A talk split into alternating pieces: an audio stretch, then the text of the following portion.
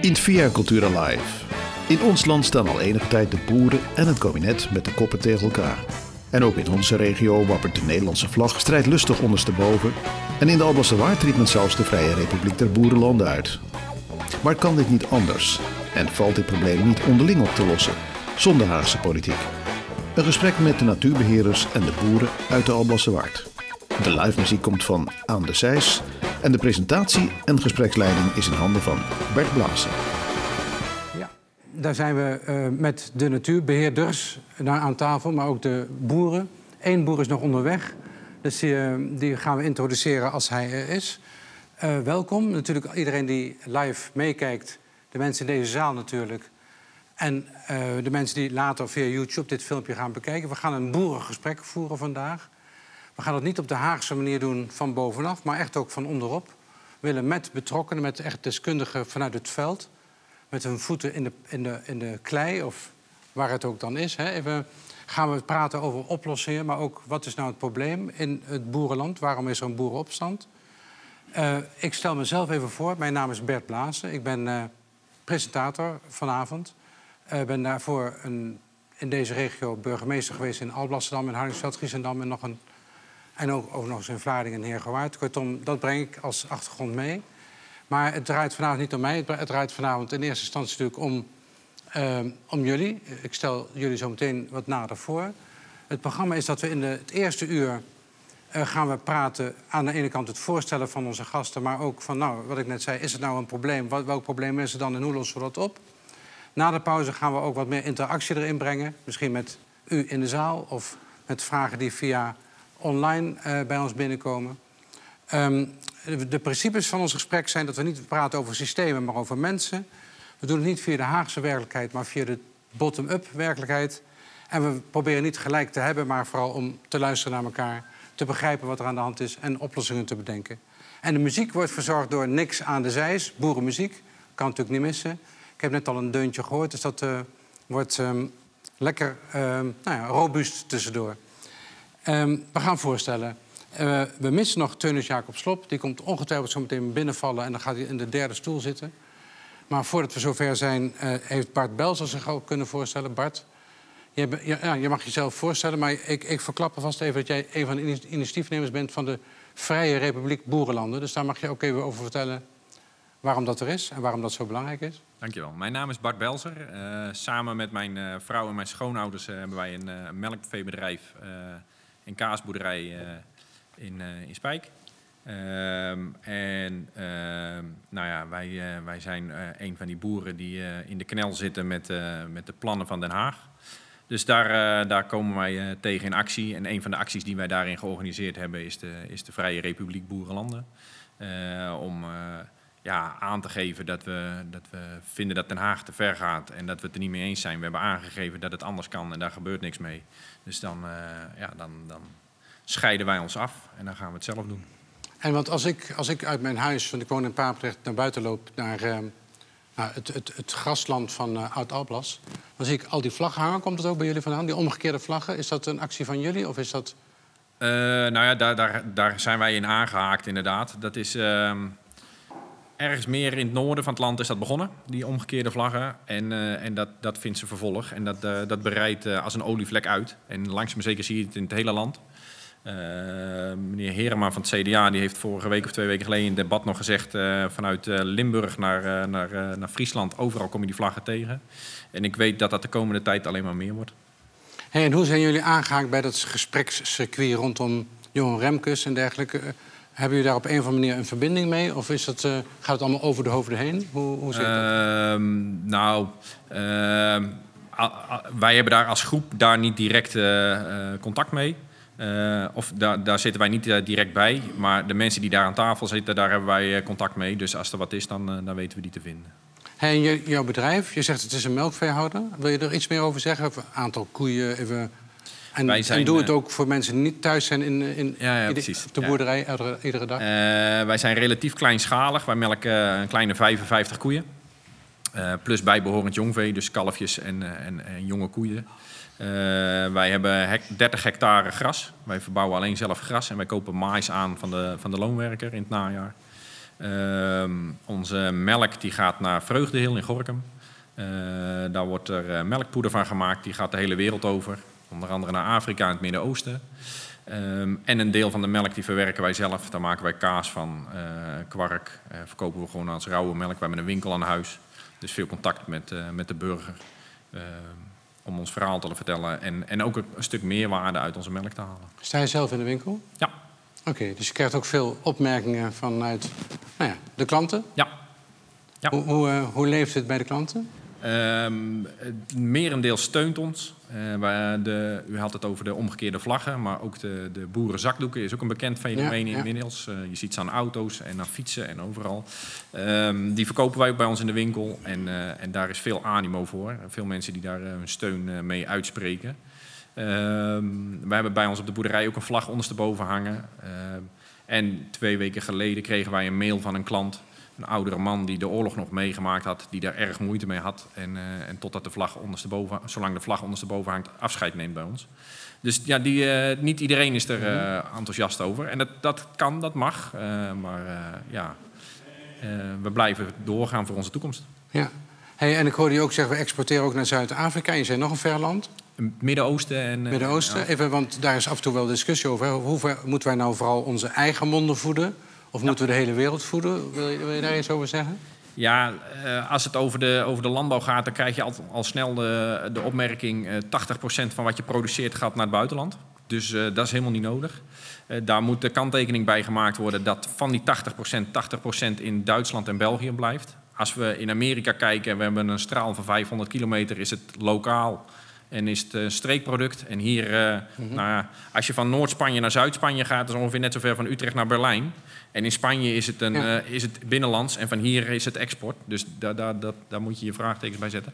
Daar komt bij, wij, wij zitten hier in een rivierendelta. Ehm, hele vruchtbare grond. Eh, dus wij zijn heel goed in, in staat om, om, om, hele, eh, om, om goed voedsel te produceren. Ja. Eh, hoge kwaliteit. ehm, eh, daar zijn we wereldwijd in, eh, in vermaard, zeg maar. Ehm, de, de Sahara, Nigeria, daar, wil, daar is het veel droog. Daar wil het slecht groeien en daar wil slecht melk geproduceerd En dan willen ze wel melk drinken. En dan willen ze wel graag melk drinken, want Ja. die kinderen die groeien er goed van. Dus ja, ik ben altijd van mening dat eh, datgene wat je, wat je daar goed kan maken, doe dat daar. En wat wij hier goed kunnen maken, laat dat ons hier doen en, en het daar naartoe exporteren. Nou, je kunt in ieder geval niet alleen goed melken, je kunt ook goed spreken, eh, Bart. Dank je wel. Eh, laten we even de stap doorzetten naar, naar Michiel, houtzagers. Klopt. Eh. Wil je jezelf ook even voorstellen? Ja, graag. Eh, ik ben Michiel Houtzagers, directeur van het Zuid-Hollands Landschap. Ehm, dat is een natuurbeschermingsorganisatie, vergelijkbaar eigenlijk met organisaties als Staatsbosbeheer en eh, Natuurmonumenten. Ehm, wat misschien nog wel aardig is om aan te geven, is dat ik in Wageningen gestudeerd heb. Dus ik heb eigenlijk wel een beetje een landbouwachtergrond. Ik heb een Even, even, even tussendoor, want ik heb zelf ook in Wageningen gestudeerd. Ah. In welk jaar heb je dat gedaan? Ik heb in 87 ben ik begonnen. Dan ben je ietsje jonger dan ik. Ik heb een combinatie gedaan tussen de ene kant bosbouw, wat nu bos- en natuurbeheer heet, en eh, agrarische economie. Dus dat is eigenlijk mijn combinatie. En sinds 15 jaar eh, mag ik eh, directeur zijn van het Zuid-Hollands Landschap. En beschrijf ons even wat, wat, nou ja, welke gebieden in, ons, nou, in Zuid-Holland onder je beheer vallen. En kijk ook eens met een schuin oog even naar de Alblasserwaard. Ja, dat doe ik graag. Ehm, het is zo dat Zuid-Hollands Landschap zich inzet voor natuur in de hele provincie Zuid-Holland. Dat doet zij door het ondersteunen van vrijwilligers, maar aan de andere kant ook door eigen terreinen te hebben. Veel terreinen liggen in de Krimpende Waard en de Vijf Herenlanden. Vijf Herenlanden is inmiddels onderdeel van de provincie Utrecht. Zeg ik met pijn in het hart, Ja, ja. maar is wel de realiteit. Eh, maar we hebben ook allerlei Dat is een, gebieden... eigenlijk een vergissing, hè, toch? Ja, dat Goed, is een ander politiek onderwerp waar we ook een avond over kunnen vullen. Eh, maar eh, daarnaast hebben wij ook allerlei gebieden in, eh, in de duinen, Natura 2000 gebieden die wij beheren. Eh, dus in dat kader hebben we zowel eigen terreinen als dat we via vrijwilligers mensen helpen om in ieder geval samen te werken. En wij zijn ook heel actief in het boerenlandvogelverhaal van Zuid-Holland. Dus de ondersteuning van de collectieven, wat betreft in ieder geval het, ja, het weidevogelbeheer. Wat zijn de collectieven? Sorry, collectieven zijn samenwerking van uh, verschillende agrarische partijen die het agrarisch natuurbeheer vormgeven. En voor een belangrijk deel bestaat dat uit de weidevogelbeheer. In de, eh, hoe heet het, op, de, op de Hollandse eilanden is dat meer dus en dat de bollenvogels en de, eh, en de graanvogels. Maar in Zuid-Holland is dat, zijn dat vooral de weidevogels als de grutto, tureluur Ja. en dergelijke, waar mijn buurman hiernaast ook heel veel van af weet. En die net op tijd binnen is om ook eh, zichzelf zo meteen voor te stellen. Komen we zo meteen op, welkom. Eh, het zweet staat nog op je voorhoofd, geloof ik, van het, eh, het rennen, of niet? Maar fijn dat je er ook bent. Nog even, die, die Natura 2000 gebieden, die liggen verspreid over de provincie. In, ik heb be- begrepen dat in Albassewaard eh de, de, de, de biodiversiteit hem vooral te vinden is in, in de vogelsoorten. Hè? Of, of, of maak ik het nu te makkelijk? Ehm, je noemt twee dingen waar ik even aandacht aan zou willen Ja. Natura 2000 gebieden zijn gebieden die zijn aangewezen natuurlijk eh, in het kader van, eh, van hetgene eh, dat daar bijzondere natuur voorkomt. Dichtstbijzijnd hier is de Biesbos. Dat is natuurlijk op de grens van, Ja. met Brabant, zal ik zeggen. Vaak is het zo dat die Natura 2000 gebieden vooral voor, voor bijzondere planten zijn aangewezen, wat minder voor, eh, voor, eh, voor vogels. Anderzijds is het zo dat in ieder geval het veenweidegebied, en daar zitten we hier ook in, heel erg bekend staat juist om zijn weidevogels, die ik net al noemde. Als... Maar ik dacht dat in de Alblassewaard dat we hebben de, de Donkse, hoe heet het, de Donkse Laagte. Klopt. En de Boezems in Kinderdijk. Ik, Ja. Dat waren de twee die ik eh, op mijn netvlies heb, klopt dat? Ja, klopt. Dat Ja, zijn en- degenen die hier eh, direct in liggen. En dat zijn eh, twee gebieden waarbij Donkse Laagte vooral bekend is vanwege zijn weidevogels. Ja. En de, hoe heet het, eh, Kinderdijk is vooral bekend vanwege eh, de moerasvogels die daarvoor komen, waaronder eh, de purperrager. En ehm, nou ja, we komen er zo meteen op of, of daar nou ook overlast is van de boeren of niet. Van, het, van de uitstoot van stikstof. Natuurlijk komen we daarop terecht. Ja. Maar eerst nog even eh Teunis. Ehm Teunis Jacob Slop. Eh, welkom. En je mag jezelf ook even voorstellen. Wij kennen elkaar omdat ik ehm, een paar jaar geleden informateur was in de gemeente Molenlanden. En jij kandidaat wethouder. En inmiddels ben je weer wethouder af, heb ik begrepen. Maar wat doe je nu? Goedenavond, Teunis Jacob Slop. We hebben inderdaad elkaar ontmoet bij de coalitievorming bij de vorige collegeperiode in de gemeente Molenlanden. Eh, het CDA zit nu niet eh, in het college, dus eh, ik ben ook geen wethouder meer. Wat ik nu doe, en wij hadden een melkveebedrijf met elkaar en dat hebben we nog steeds. Maar ik ben wel aan het kijken en aan het oriënteren wat ik daarnaast nog kan doen en betekenen voor de samenleving. En ook dingen doen waar, waar mijn hart ook een beetje je bent- op maar het snijvlak van eh, Je bent landbouw. boer, net, net als Bart. Bart is eh, melkveehouder, jij ook? Ja, ik ook, ja. Tenminste, dat is En Bart heeft net verteld dat hij, nou ja, wat hij, waar zijn export naartoe gaat en wat, voor, eh, wat in het eigen land verkocht wordt. Hoe, hoe zit het bij jou, Teunis Jacob? Ja, wij hebben sinds 94 een biologisch bedrijf. Dus die export die gaat ook voor een deel naar het buitenland. Maar niet in die grote mate van gangbare landbouw. Eh, en daarnaast hebben we ook een stukje eigen verkoop van eh, de ossen die we hebben. Stierkalveren die geboren worden, die worden deels op het bedrijf zelf eh, eh, gehouden. Worden wel gecastreerd, en vandaar dat het ossen worden. Omdat ze ook in natuurgebieden die recreatief medegebruik hebben. Voor de veiligheid van de mensen. En En wat maakt die- jouw bedrijf biologisch? Waarom, want je zegt ik heb een biologisch bedrijf. Wat, wat, eh, wat is op wijze van spreken anders dan op het, op het bedrijf van Bart, denk je? Ja, dan zouden we er even naartoe moeten rijden. Ja. Eh, nou ja, wij, zijn in 94 omgeschakeld. En eh, biologische bedrijfsvoering wil zeggen van nee, je, je maakt van ge- geen gebruik van kunstmest, gewasbeschermingsmiddelen, krachtvoer wat eh, aangevuld wordt in het veevoer. Dat is ook van biologische her- herkomst. Dat zijn een aantal. Want hoeveel, en hoeveel koeien heb jij? Eh, Bart had het over 55 in zijn bedrijf. Ja, de- wij hebben er nu rond 140. Oké, Ja. een wat groter bedrijf. Ja, Ja. maar goed, we zijn ook met z'n vieren eh, de- de- deels ook eh, mee bezig. Dus ja. Oké, nou fijn dat je net op tijd ook aan kan sluiten. We gaan zo meteen in het tweede blok praten over of er nou eigenlijk een probleem is in Zuid-Holland of in heel Nederland, maar eerst even maar in, in de Albasserwaard. En dan gaan we daarna ook over de oplossingen praten. Maar daar willen we graag een beetje bij geholpen worden door af en toe wat creatieve nou, inspiratie. Arjan, jij bent de leider van de band. Ja, leider is dat eh Ja, dus ah, dat is het, dat is de zanger. Jij wil even introduceren. Jullie heten Niks aan de Zijs. Wij zijn Waar, niks aan de zijs. waar komt dat nou vandaan? Ja, waar komt dat vandaan? Dat is een gezegde bij ons uit de polder. Niks aan de hand, alles komt wel goed, zeg maar. En Ja. ja, ja, hoe zijn we eraan gekomen? We wouden een naam hebben en we kwamen er niet over uit. We zeiden dat komt nog wel, niks van de reis eh, Dat kijken we volgende week wel. En toen zijn we nou aan niks van de reis Ik bedoel, eh, ja. En een van jullie is de buurman van, van meneer Slop, heb ik net, hè? Bijna, bijna. Ja, oké. En, dan en ze oefenen ook bij jullie in de schuur, of niet? Nee, we oefenen in Rotterdam. Nou, laat even horen.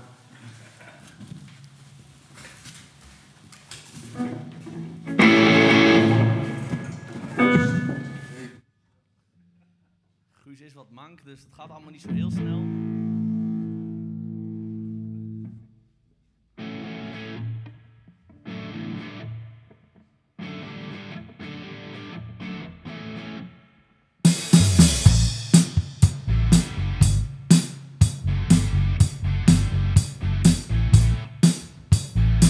Heel de week flink aan de beurt.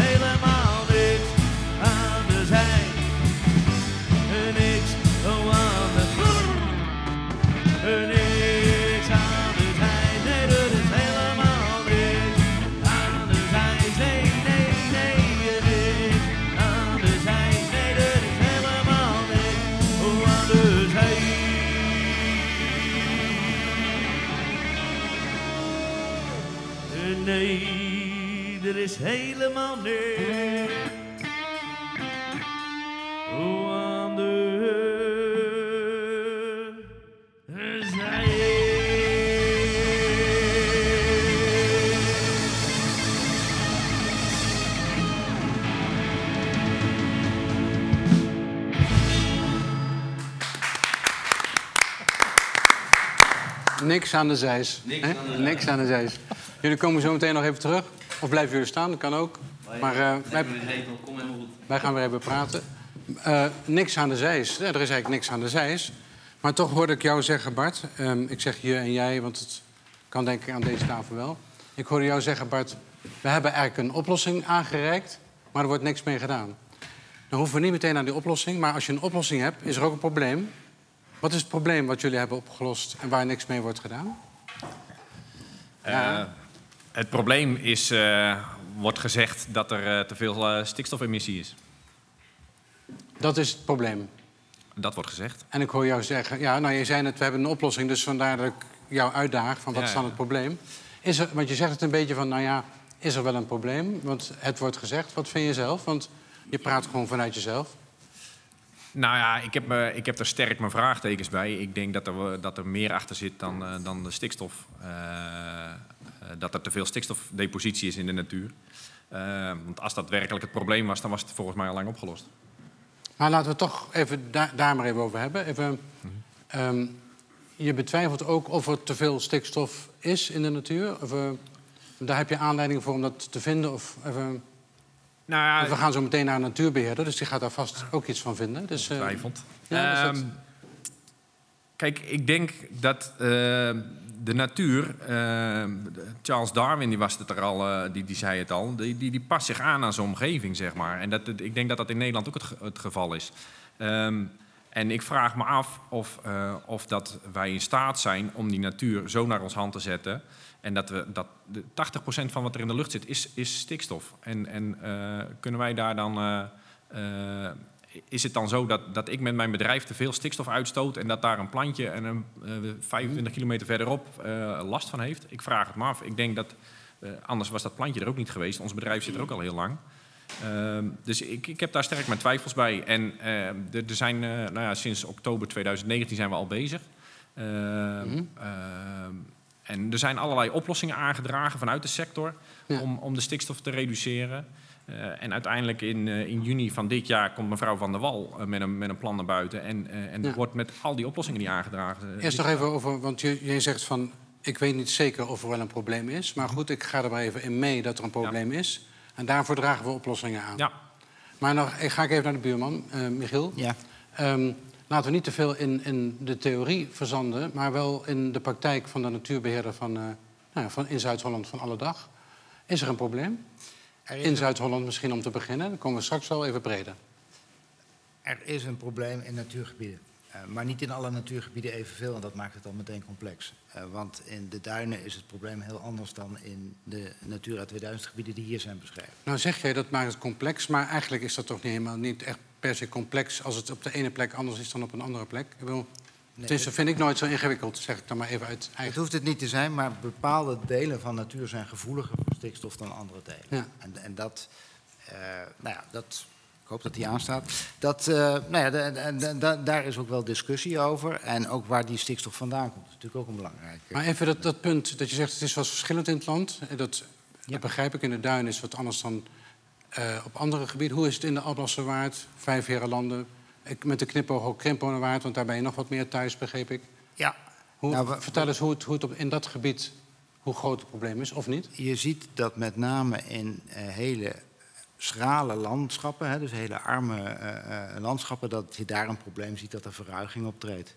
Er zijn ook hele delen die daar veel minder last van hebben als moerassen, eh, waarin je ziet dat het gewoon groeit. Want stikstof is feitelijk een voedingsstof, wat ervoor zorgt dat, het, dat, dat planten groeien. Dat weten we allemaal. Maar de overmaat daarvan, eh, is, dat is in bepaalde typen, en dan ga ik in de techniek, uh, blauw graslanden, is dat heel gevoelig omdat daar soorten door verdwijnen. Die worden Nu zeg je in schrale gebieden. Volgens Ja. mij hebben we in Alblasserwaard niet zoveel schrale gebieden. Klopt dat? Even als ik het...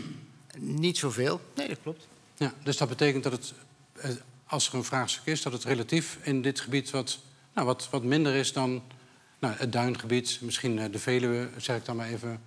Ehm, Minder, maar niet afwezig. En dat probleem wat er dan wel is, kun, je- kun je schetsen wat er dan aan probleem is in, in zo'n natuurgebied? Ik denk aan eh, die Donkse laagte die ik net noemde, of de boezem, Ja. of andere gebieden die jullie beheren.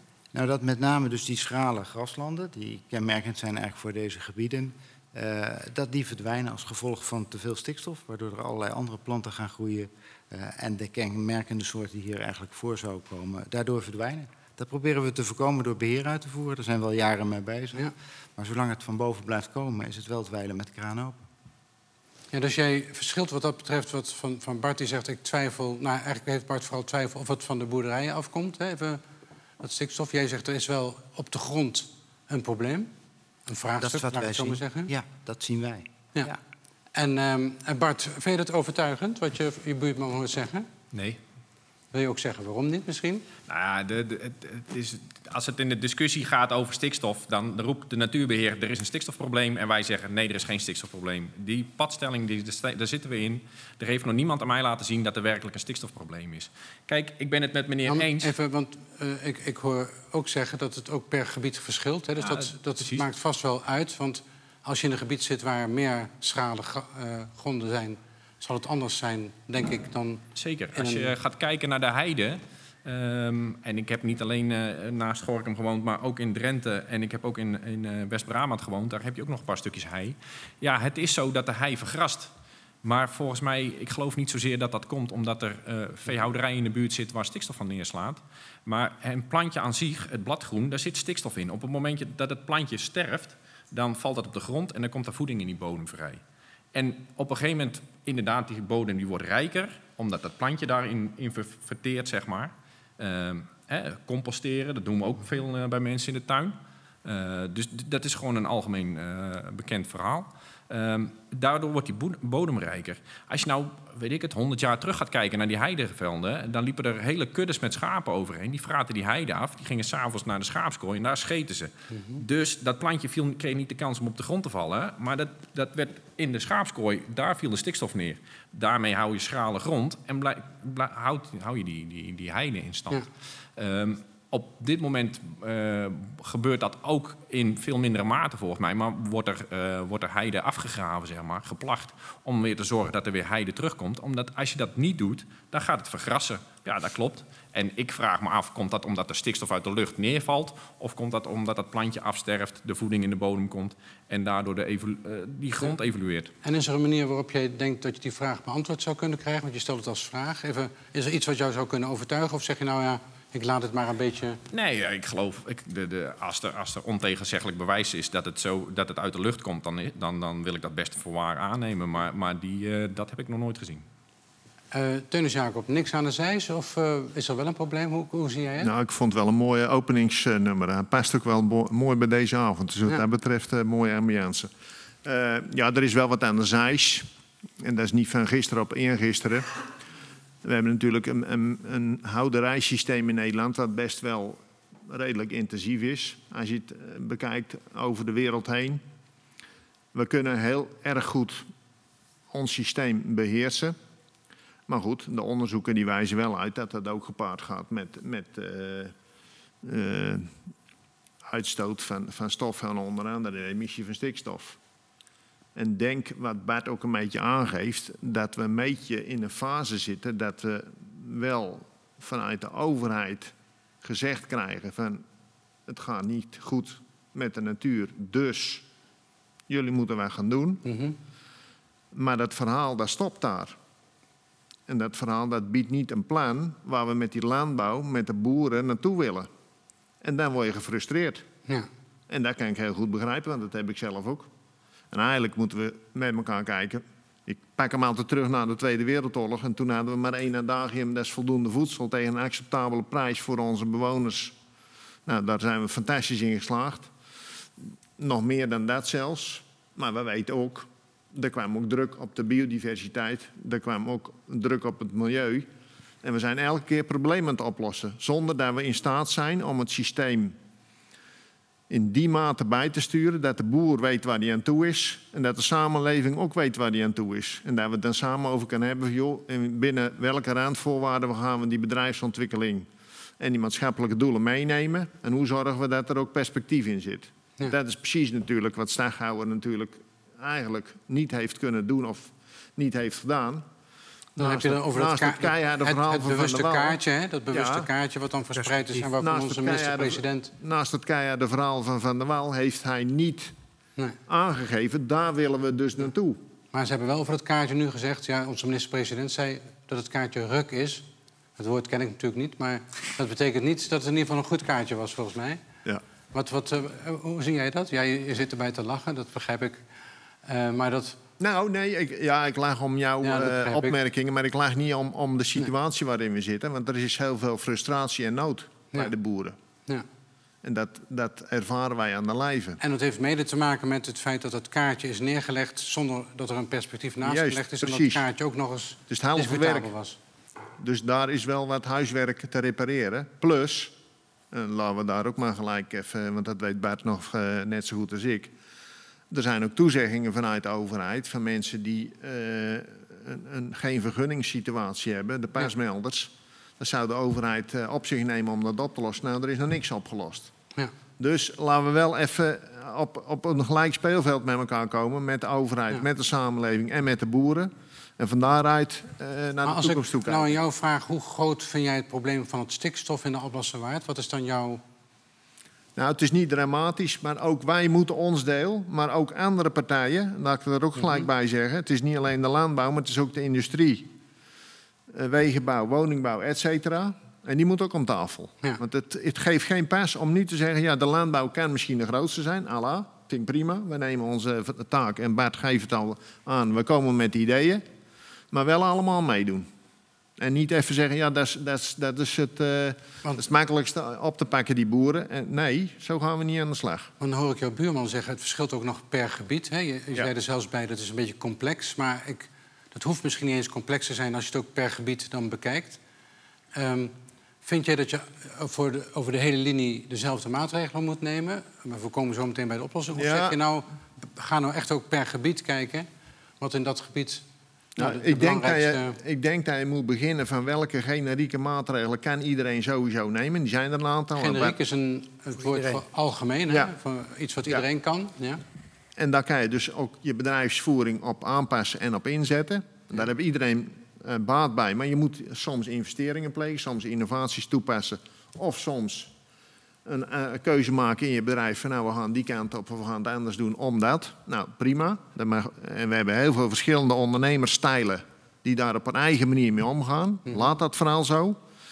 Benut die, gaat ermee aan de slag en gaat dan kijken hoe ver komen we dan in het gebied. Is er meer nodig? Gaat dan in gesprek en maakt dan aanvullende voorwaarden en mogelijkheden om dat te realiseren. Ik zie knikkende gezichten, onder andere bij eh Michiel, de directeur van eh Zuid-Hollands Landschap. Ja, absoluut. Want eh, nogmaals, ook, ik gaf net aan, het gaat om de stikstof die naar beneden komt. Daar zit geen kaartje aan van het komt van die of komt van die of komt van Ja. die. Dus alle sectoren moeten hun bijdrage leveren. Eh, dat is ook iets waar wij ja, wel nadrukkelijk op roepen. Want heel veel sectoren die zeggen van ja, wij zijn zo'n kleine belasting, wij hoeven niks te doen. Maar aan de andere kant een havenbedrijf en een Schiphol hebben natuurlijk ook hun bijdrage in het verhaal. En een deel van die stikstof komt ook daar, en zeker daar vandaan. Dat kan niet anders.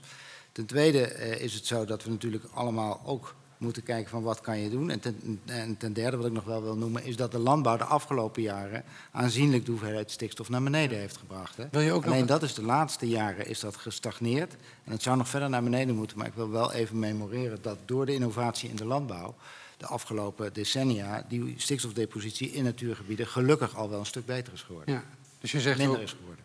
en als je die lijn doortrekt, dan, zou het, dan gaat het verder de goede kant op.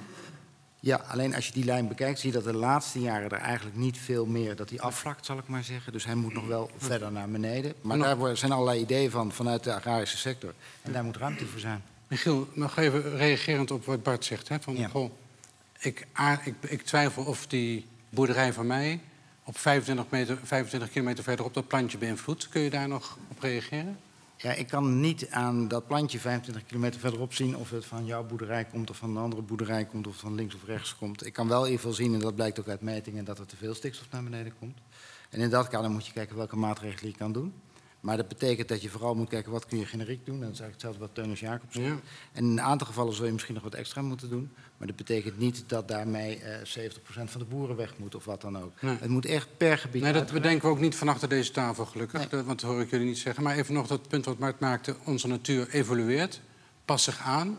Eh, dus het hoeft niet hetzelfde te zijn als 100 jaar geleden... toen, de, nou, toen, toen de schapen nog eh, op, de, op de manier... De, de, je had het over de heidevelden. Even, hoe, hoe reageer je daarop? Misschien hoeft niet ieder plantje op ieder eh, natuurgebied te groeien. Even, Nee, niet ieder plantje ehm, eh, hoeft altijd op dezelfde manier eh, te groeien. En er is ook een ontwikkeling in de natuur. Anderzijds zijn er wel bepaalde typen natuur die heel bijzonder zijn voor Europa en voor, eh, voor het veenweidegebied. Die wel de moeite waard zijn om die in stand te houden. En dat is iets waar je je best voor moet doen. En daar zetten wij ons voor in. Zowel wij als terreinbeheerders als Ja. agrariërs om dat voor elkaar te krijgen. Je hebt ook een plicht, vinden wij, om biodiversiteit in stand te houden. Oké, ik wil dit blok zo gaan afronden. Even over, is er een probleem? Bart, ehm, volgens mij ben je nog niet helemaal ervan overtuigd dat het een probleem is. Maar ben je wel bereid om mee te denken alsof het een probleem is? Zo, dat hoorde ik je volgens mij zeggen. Dat klopt, ja. Ja? Dus, dus wat dat betreft kunnen jullie elkaar wel vinden in van, nou ja, je relativeert de mate waarin het een probleem is. De een zegt, nou, de natuur mag, mag zich ontwikkelen, mag zich aanpassen. Er is ook nog een variatie in welk gebied het meest getroffen wordt door stikstof. Maar zeg je allemaal, nou ja, ervan uitgaan dat het toch enige invloed is, willen wij best onze bedrijfsvoering daarop nou, aanpassen, insteken. Als tenminste andere sectoren ook wat doen. Is dat een aardige conclusie voor dit blok? Nou, het is wel leuk dat we nu met die discussie van die biodiversiteit, welke waarde vertegenwoordigt die? En er zijn aanwijsbare soorten, bijvoorbeeld de bijen, die hebben een enorme waarde. En er zijn soorten die kunnen we eigenlijk niet op waarde schatten. En dat is denk ik een goede maatschappelijke discussie die we met elkaar moeten voeren. Van, is, is een soortje meer of minder? Ja. Maar laten we wel zijn, in die zin moeten we ook eerlijk in de spiegel kijken. Er zijn enorm veel soorten verdwenen. Die we, die we, waar we nog geen weet van hebben. Ja. Boven de grond en onder de grond. Zeker als je langer teruggaat in de tijd. Nou, dat hoef je maar 40, 50 jaar terug en dat is enorm. Ja, dat is al, oh, voor veel mensen is dat best wel lang, maar het Ja, is goed, ja, je het- oké, maar ja, goed. het is goed dat je het zegt. Ja. Maar ik denk, je zit in een situatie waar, waar je dat ook met elkaar moet bespreken. Wat zegt dit ons? Ja. En wat het, wat het probleem is, als je hem op de landbouw relateert. Ja, wij worden gevraagd om voedsel te produceren. Ja. Die biodiversiteit met agrarische natuurbeheer, die nemen we ook mee. Maar ik denk dat die discussie nog veel dieper moet gaan. En zou die discussie dan ook per gebied nog een beetje nou, moeten kunnen verschillen? Differentiëren heet dat? Zeker, want dat kan je grondsoort eh, gewijs kan je dat ook diversiteit in aanbrengen. Want op zandgrond heb je andere soorten als in het veenweidegebied. Ja. En daarom, je noemde het al, die collectieven, die zijn er denk ik samen met de terreinbeheerders. Dat zou een gouden combinatie zijn Ja. om op dat punt met elkaar het gesprek te voeren en te kijken wat is er mogelijk. Nou, we zijn dan stiekem een beetje wat oplossingen aan het verkennen. Maar dat doen we nadat niks aan de zijs eh, een tweede nummer speelt. Misschien iets wel aan de zijs? Of wat, wat ga je doen, Oh, Arjan? ik ben er geen oren meer We over. gaan een uh, nummertje doen van eh, Normaal. Ik denk niet geheel onbekend in de boerenwereld. En eh, het gaat eigenlijk, eh, dat is een nummertje Daldeeën. En dat is eh, ja, het eh, heel de week druk bezig zijn van het boerenbestaan. Zeven dagen aan het werk. En dan op zaterdagavond eh, even niet meer hoeven nadenken Daldeeën. Ik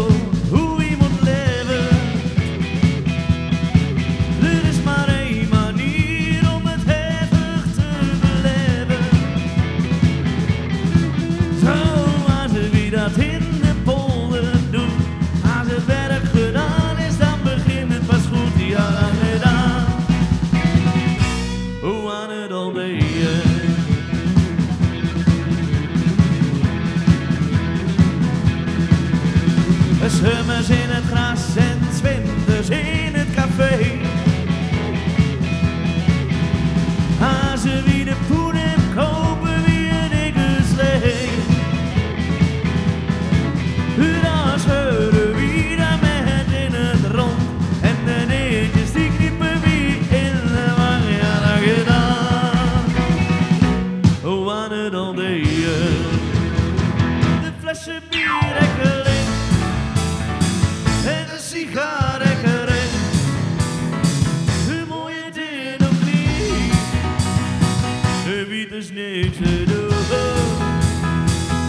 flessen bier lekker links en een sigaar lekker rechts.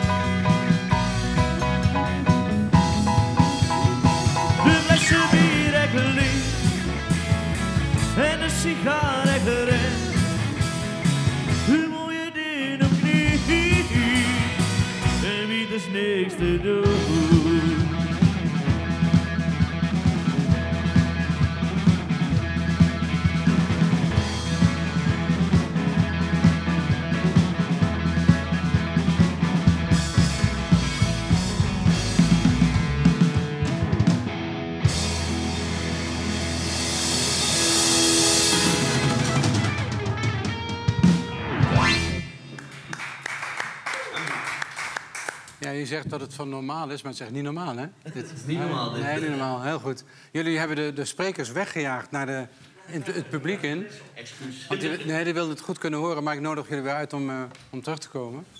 En jullie komen na de klok van 9 uur nog eh, terug met wat... eh, Ja.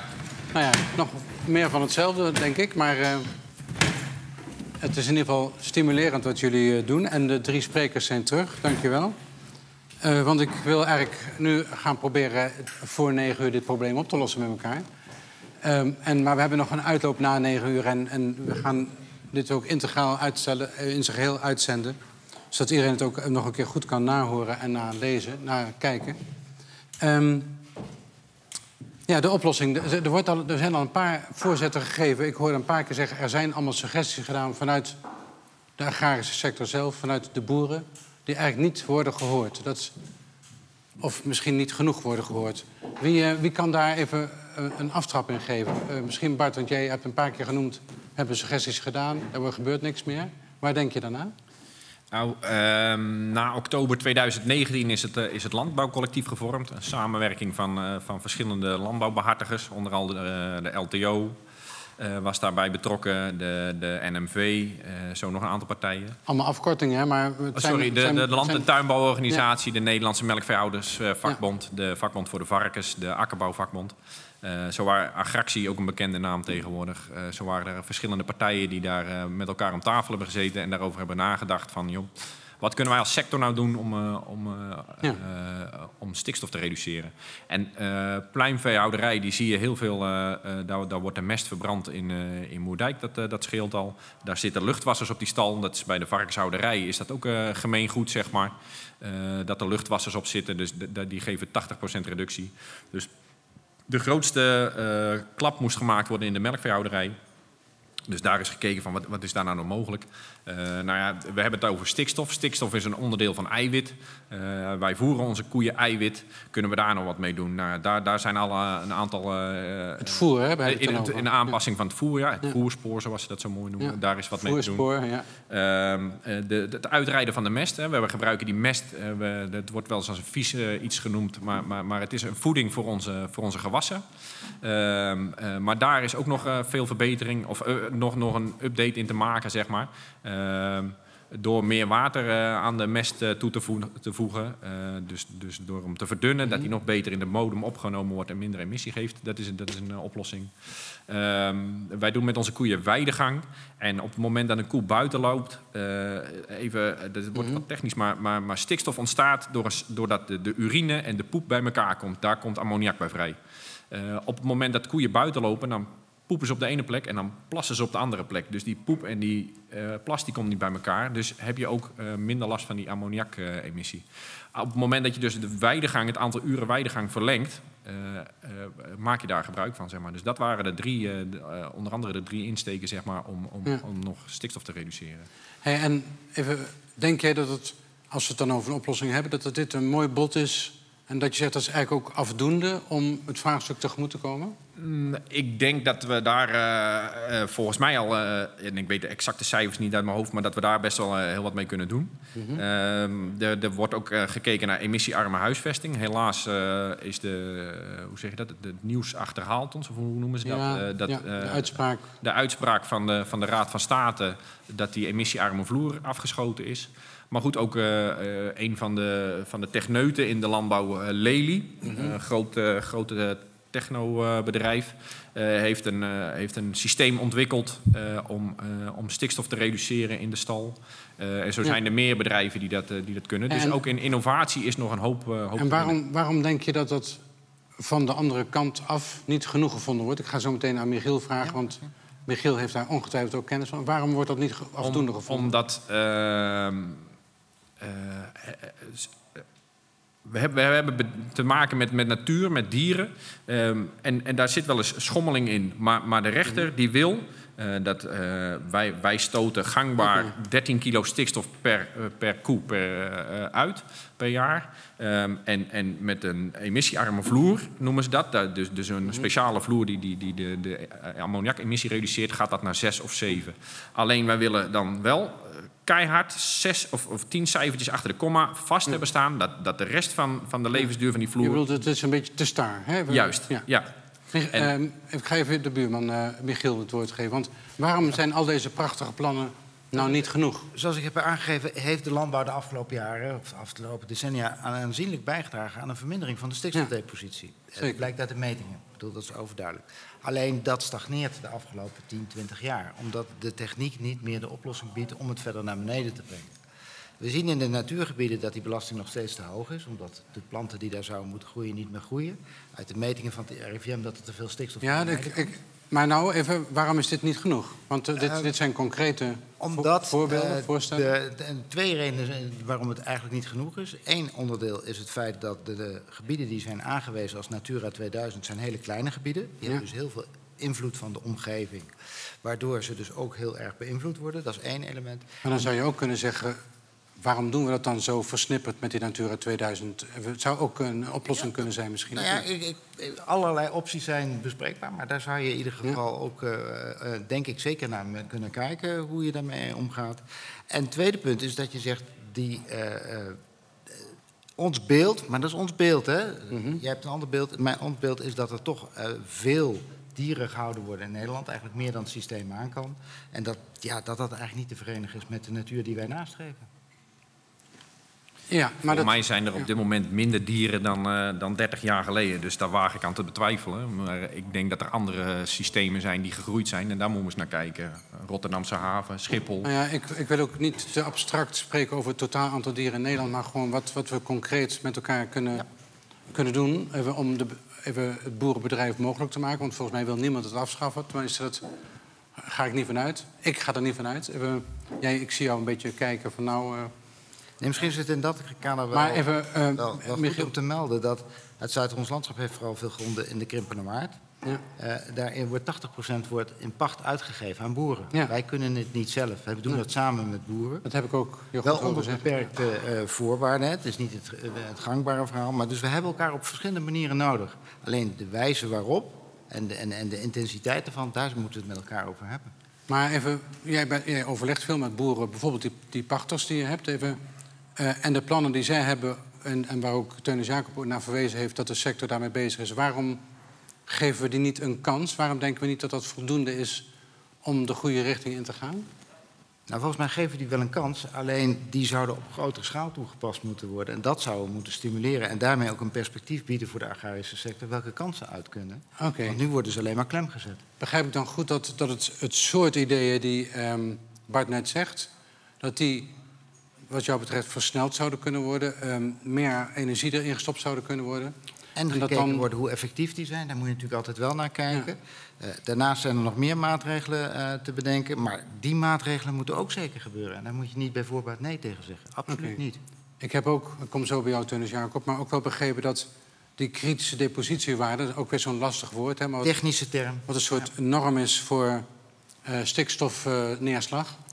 dat dat eigenlijk ook een risico-indicator is. Dus dat, dat het een risico geeft, maar dat het nog niet hetzelfde is... als dat het ook voorkomt, hè, dat, ehm, die effecten op de, op de natuur.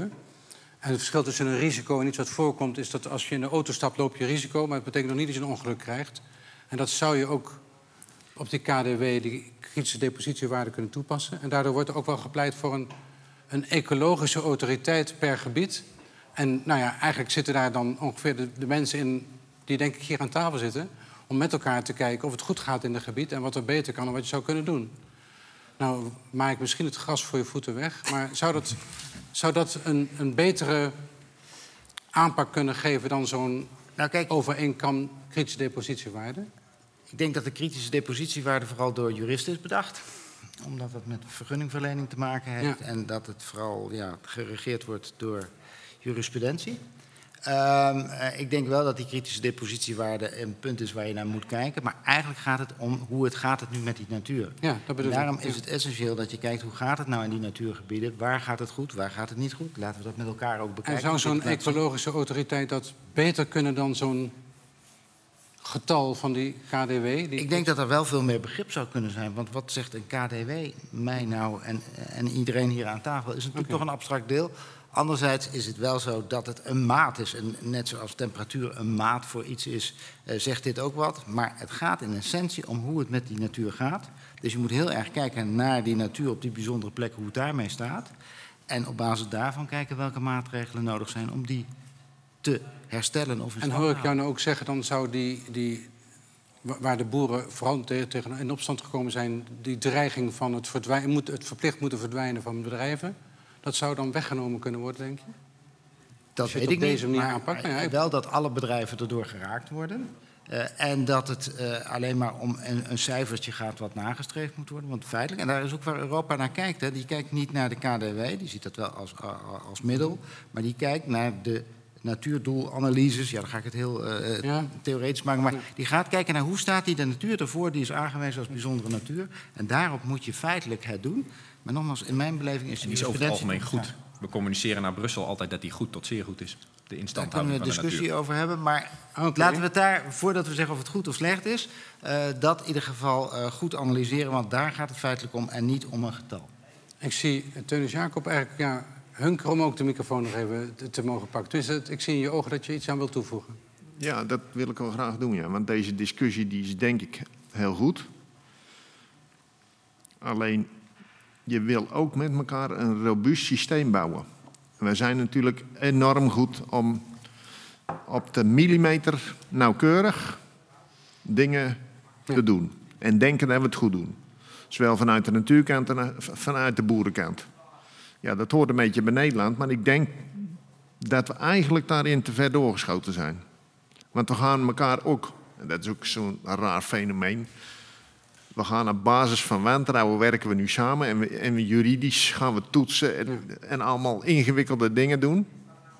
En dat is logisch, want we zitten in, in, een, in een systeem met elkaar dat nog steeds ingewikkelder lijkt te worden. Ja.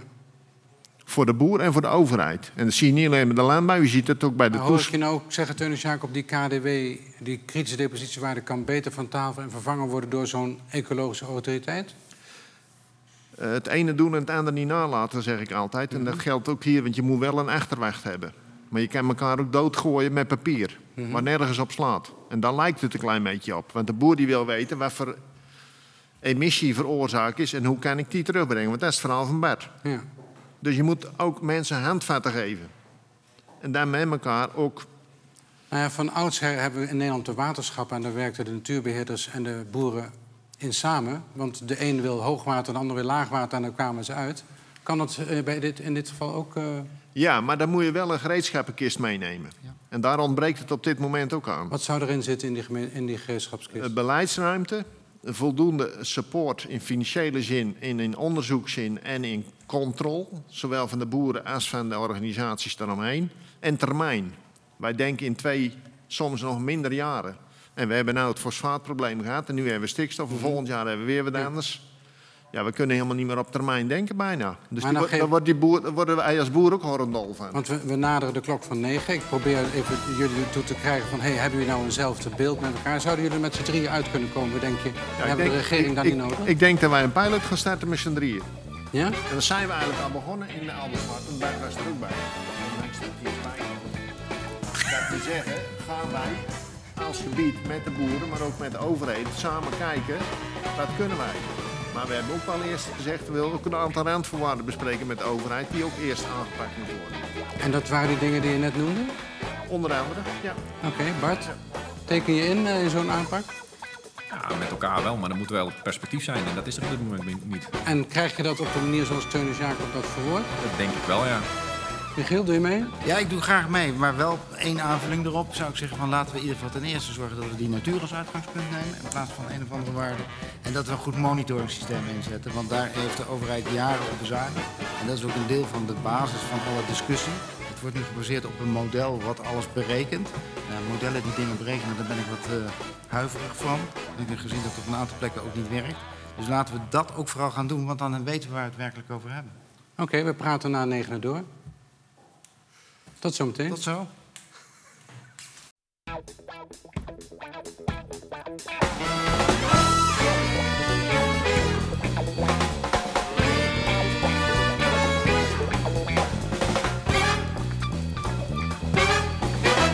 In Via Cultura Live. In ons land staan al enige tijd de boeren en het kabinet met de koppen tegen elkaar.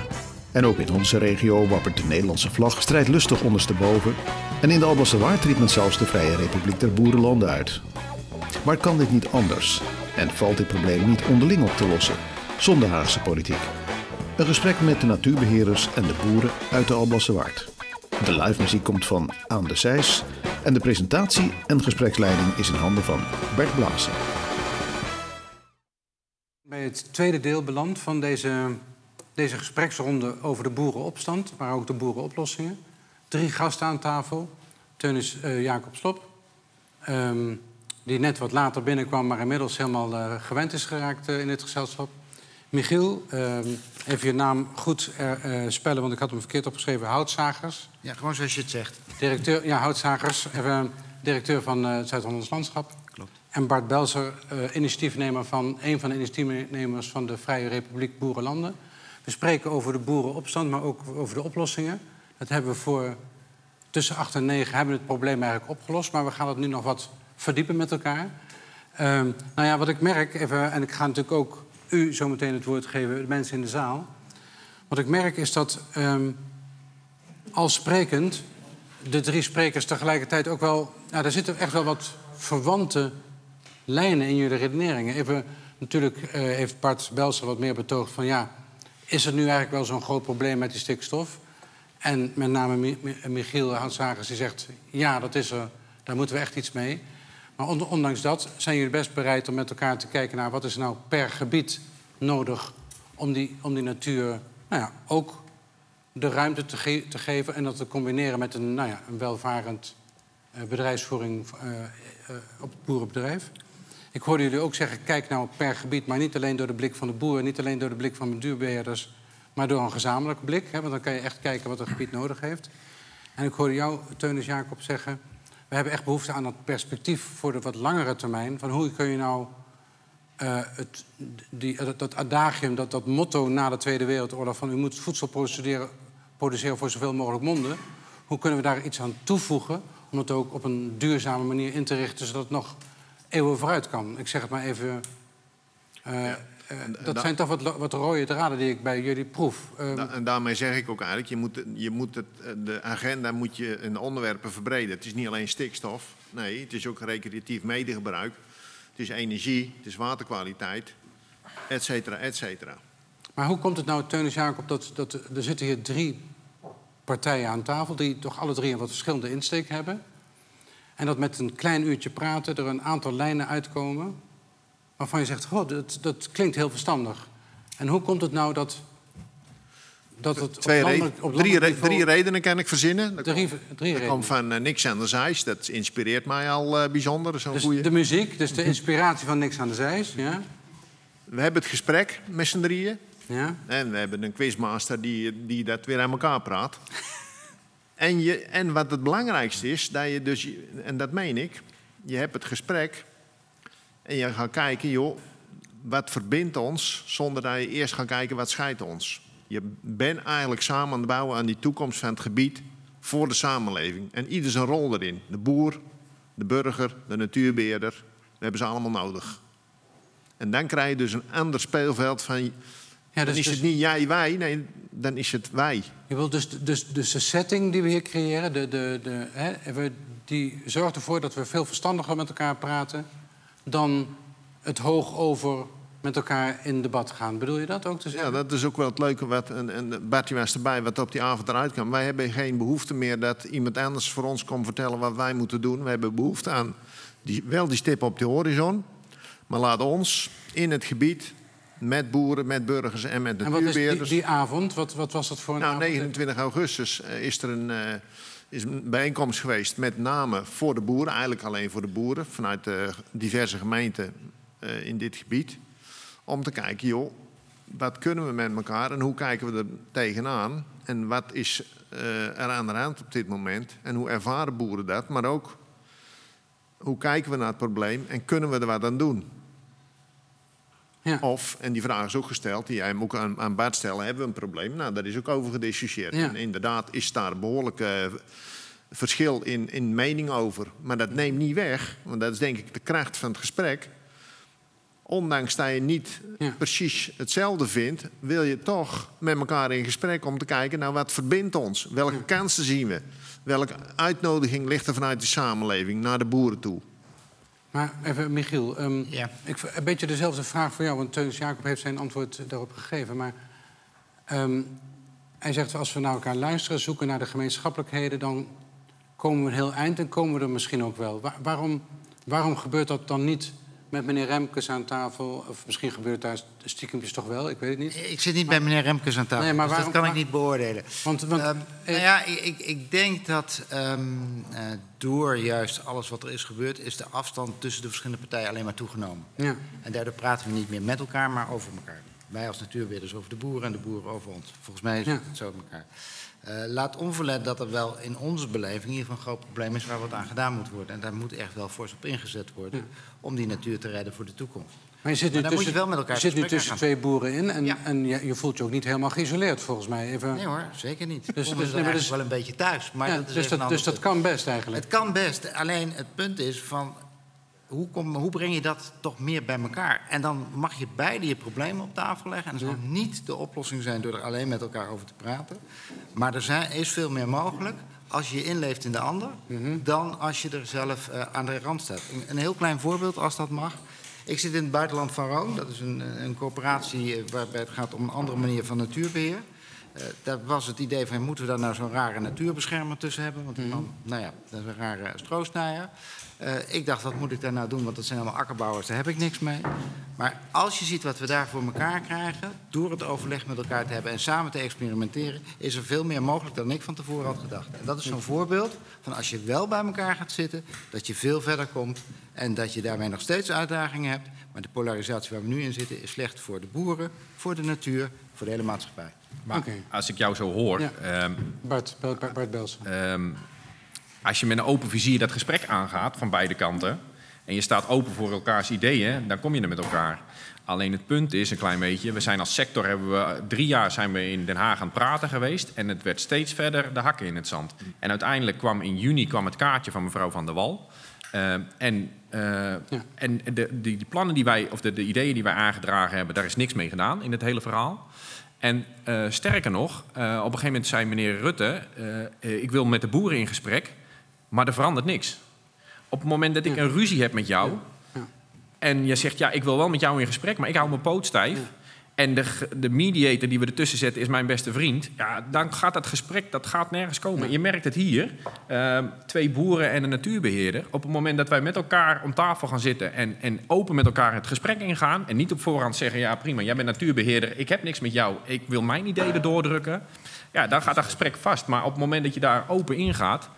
Dan, dan kom je daar ook in een, eh, eh, naar een oplossing toe. Dat zijn we als, eh, als Nederland met polderen al, al een eeuwigheid gewend. En ik geloof dat dat gaat werken. Alleen op het moment dat, dat de, de, de overheid zegt... wij gaan met jullie in gesprek, maar er verandert niks. Ja, Ja. En we krijgen wel de boeman toegespeeld, dat is het. Ik geef, want ik zie achter jou Arjan, die, zit, die is de leider van die band, hè, van Niks aan de Zij. Wat vind jij ervan, Arjan? Ja, eh, Even, net wat je zegt. is hij te verstaan? Wat ik zo even Ja, zo is het beter. Ja, eh, kijk, het, het is voor mij eh, ja, een verder van de bedshow eigenlijk. Zeg, want ik heb er zelf niks of tot weinig mee te maken met mijn werk. Alleen eh, En je woont, je woont, eh, waar woon je? In Otterland? in Brandwijk. Brandwijk. Nou, dan Brandwijk. En eh, natuurlijk, eh, met mijn beroep kom ik genoeg bij boeren langs. En eh, het is alleen, eh, ja, het, het is een heel eh, raar idee dat ik, ik ben zelf ook vrachtwagenchauffeur, ik rijd bij de roer. Ik zie van alles daar de lucht in gespoten worden, daar wordt niks over gezegd. Dat, tenminste, tot dusver, dat is geen probleem. En dan rijd ik bij Serenberg de grens over en dan staat er een boer die staat er 100 koeien te melken en dat is in één keer levensgevaarlijk. En dat gaat er bij mij niet in, zeg maar. Nee. Oké, nou, is dat, is dat ook eh, de titel van jullie derde, van jullie derde nummer? Nee, wij hebben het nummer eh, uitgekozen, we doen het samen. Want dat komt het uiteindelijk toch op neer. Oh, kijk. Met z'n allen kom je er toch op, op, eh, Heel goed. Ja, op, het, op het idee waar je op uit moet komen. We doen het samen. Niks aan de zijs. Maar ik ga wel samen daar.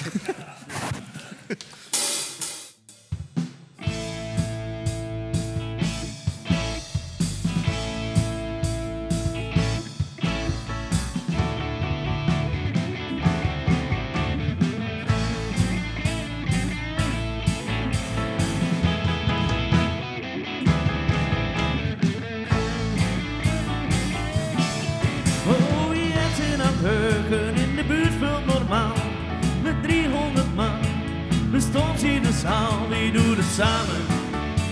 Nee, niet alleen. Wie doet het samen? Hoe of je of oud bent, arm of rijk, we doen het samen.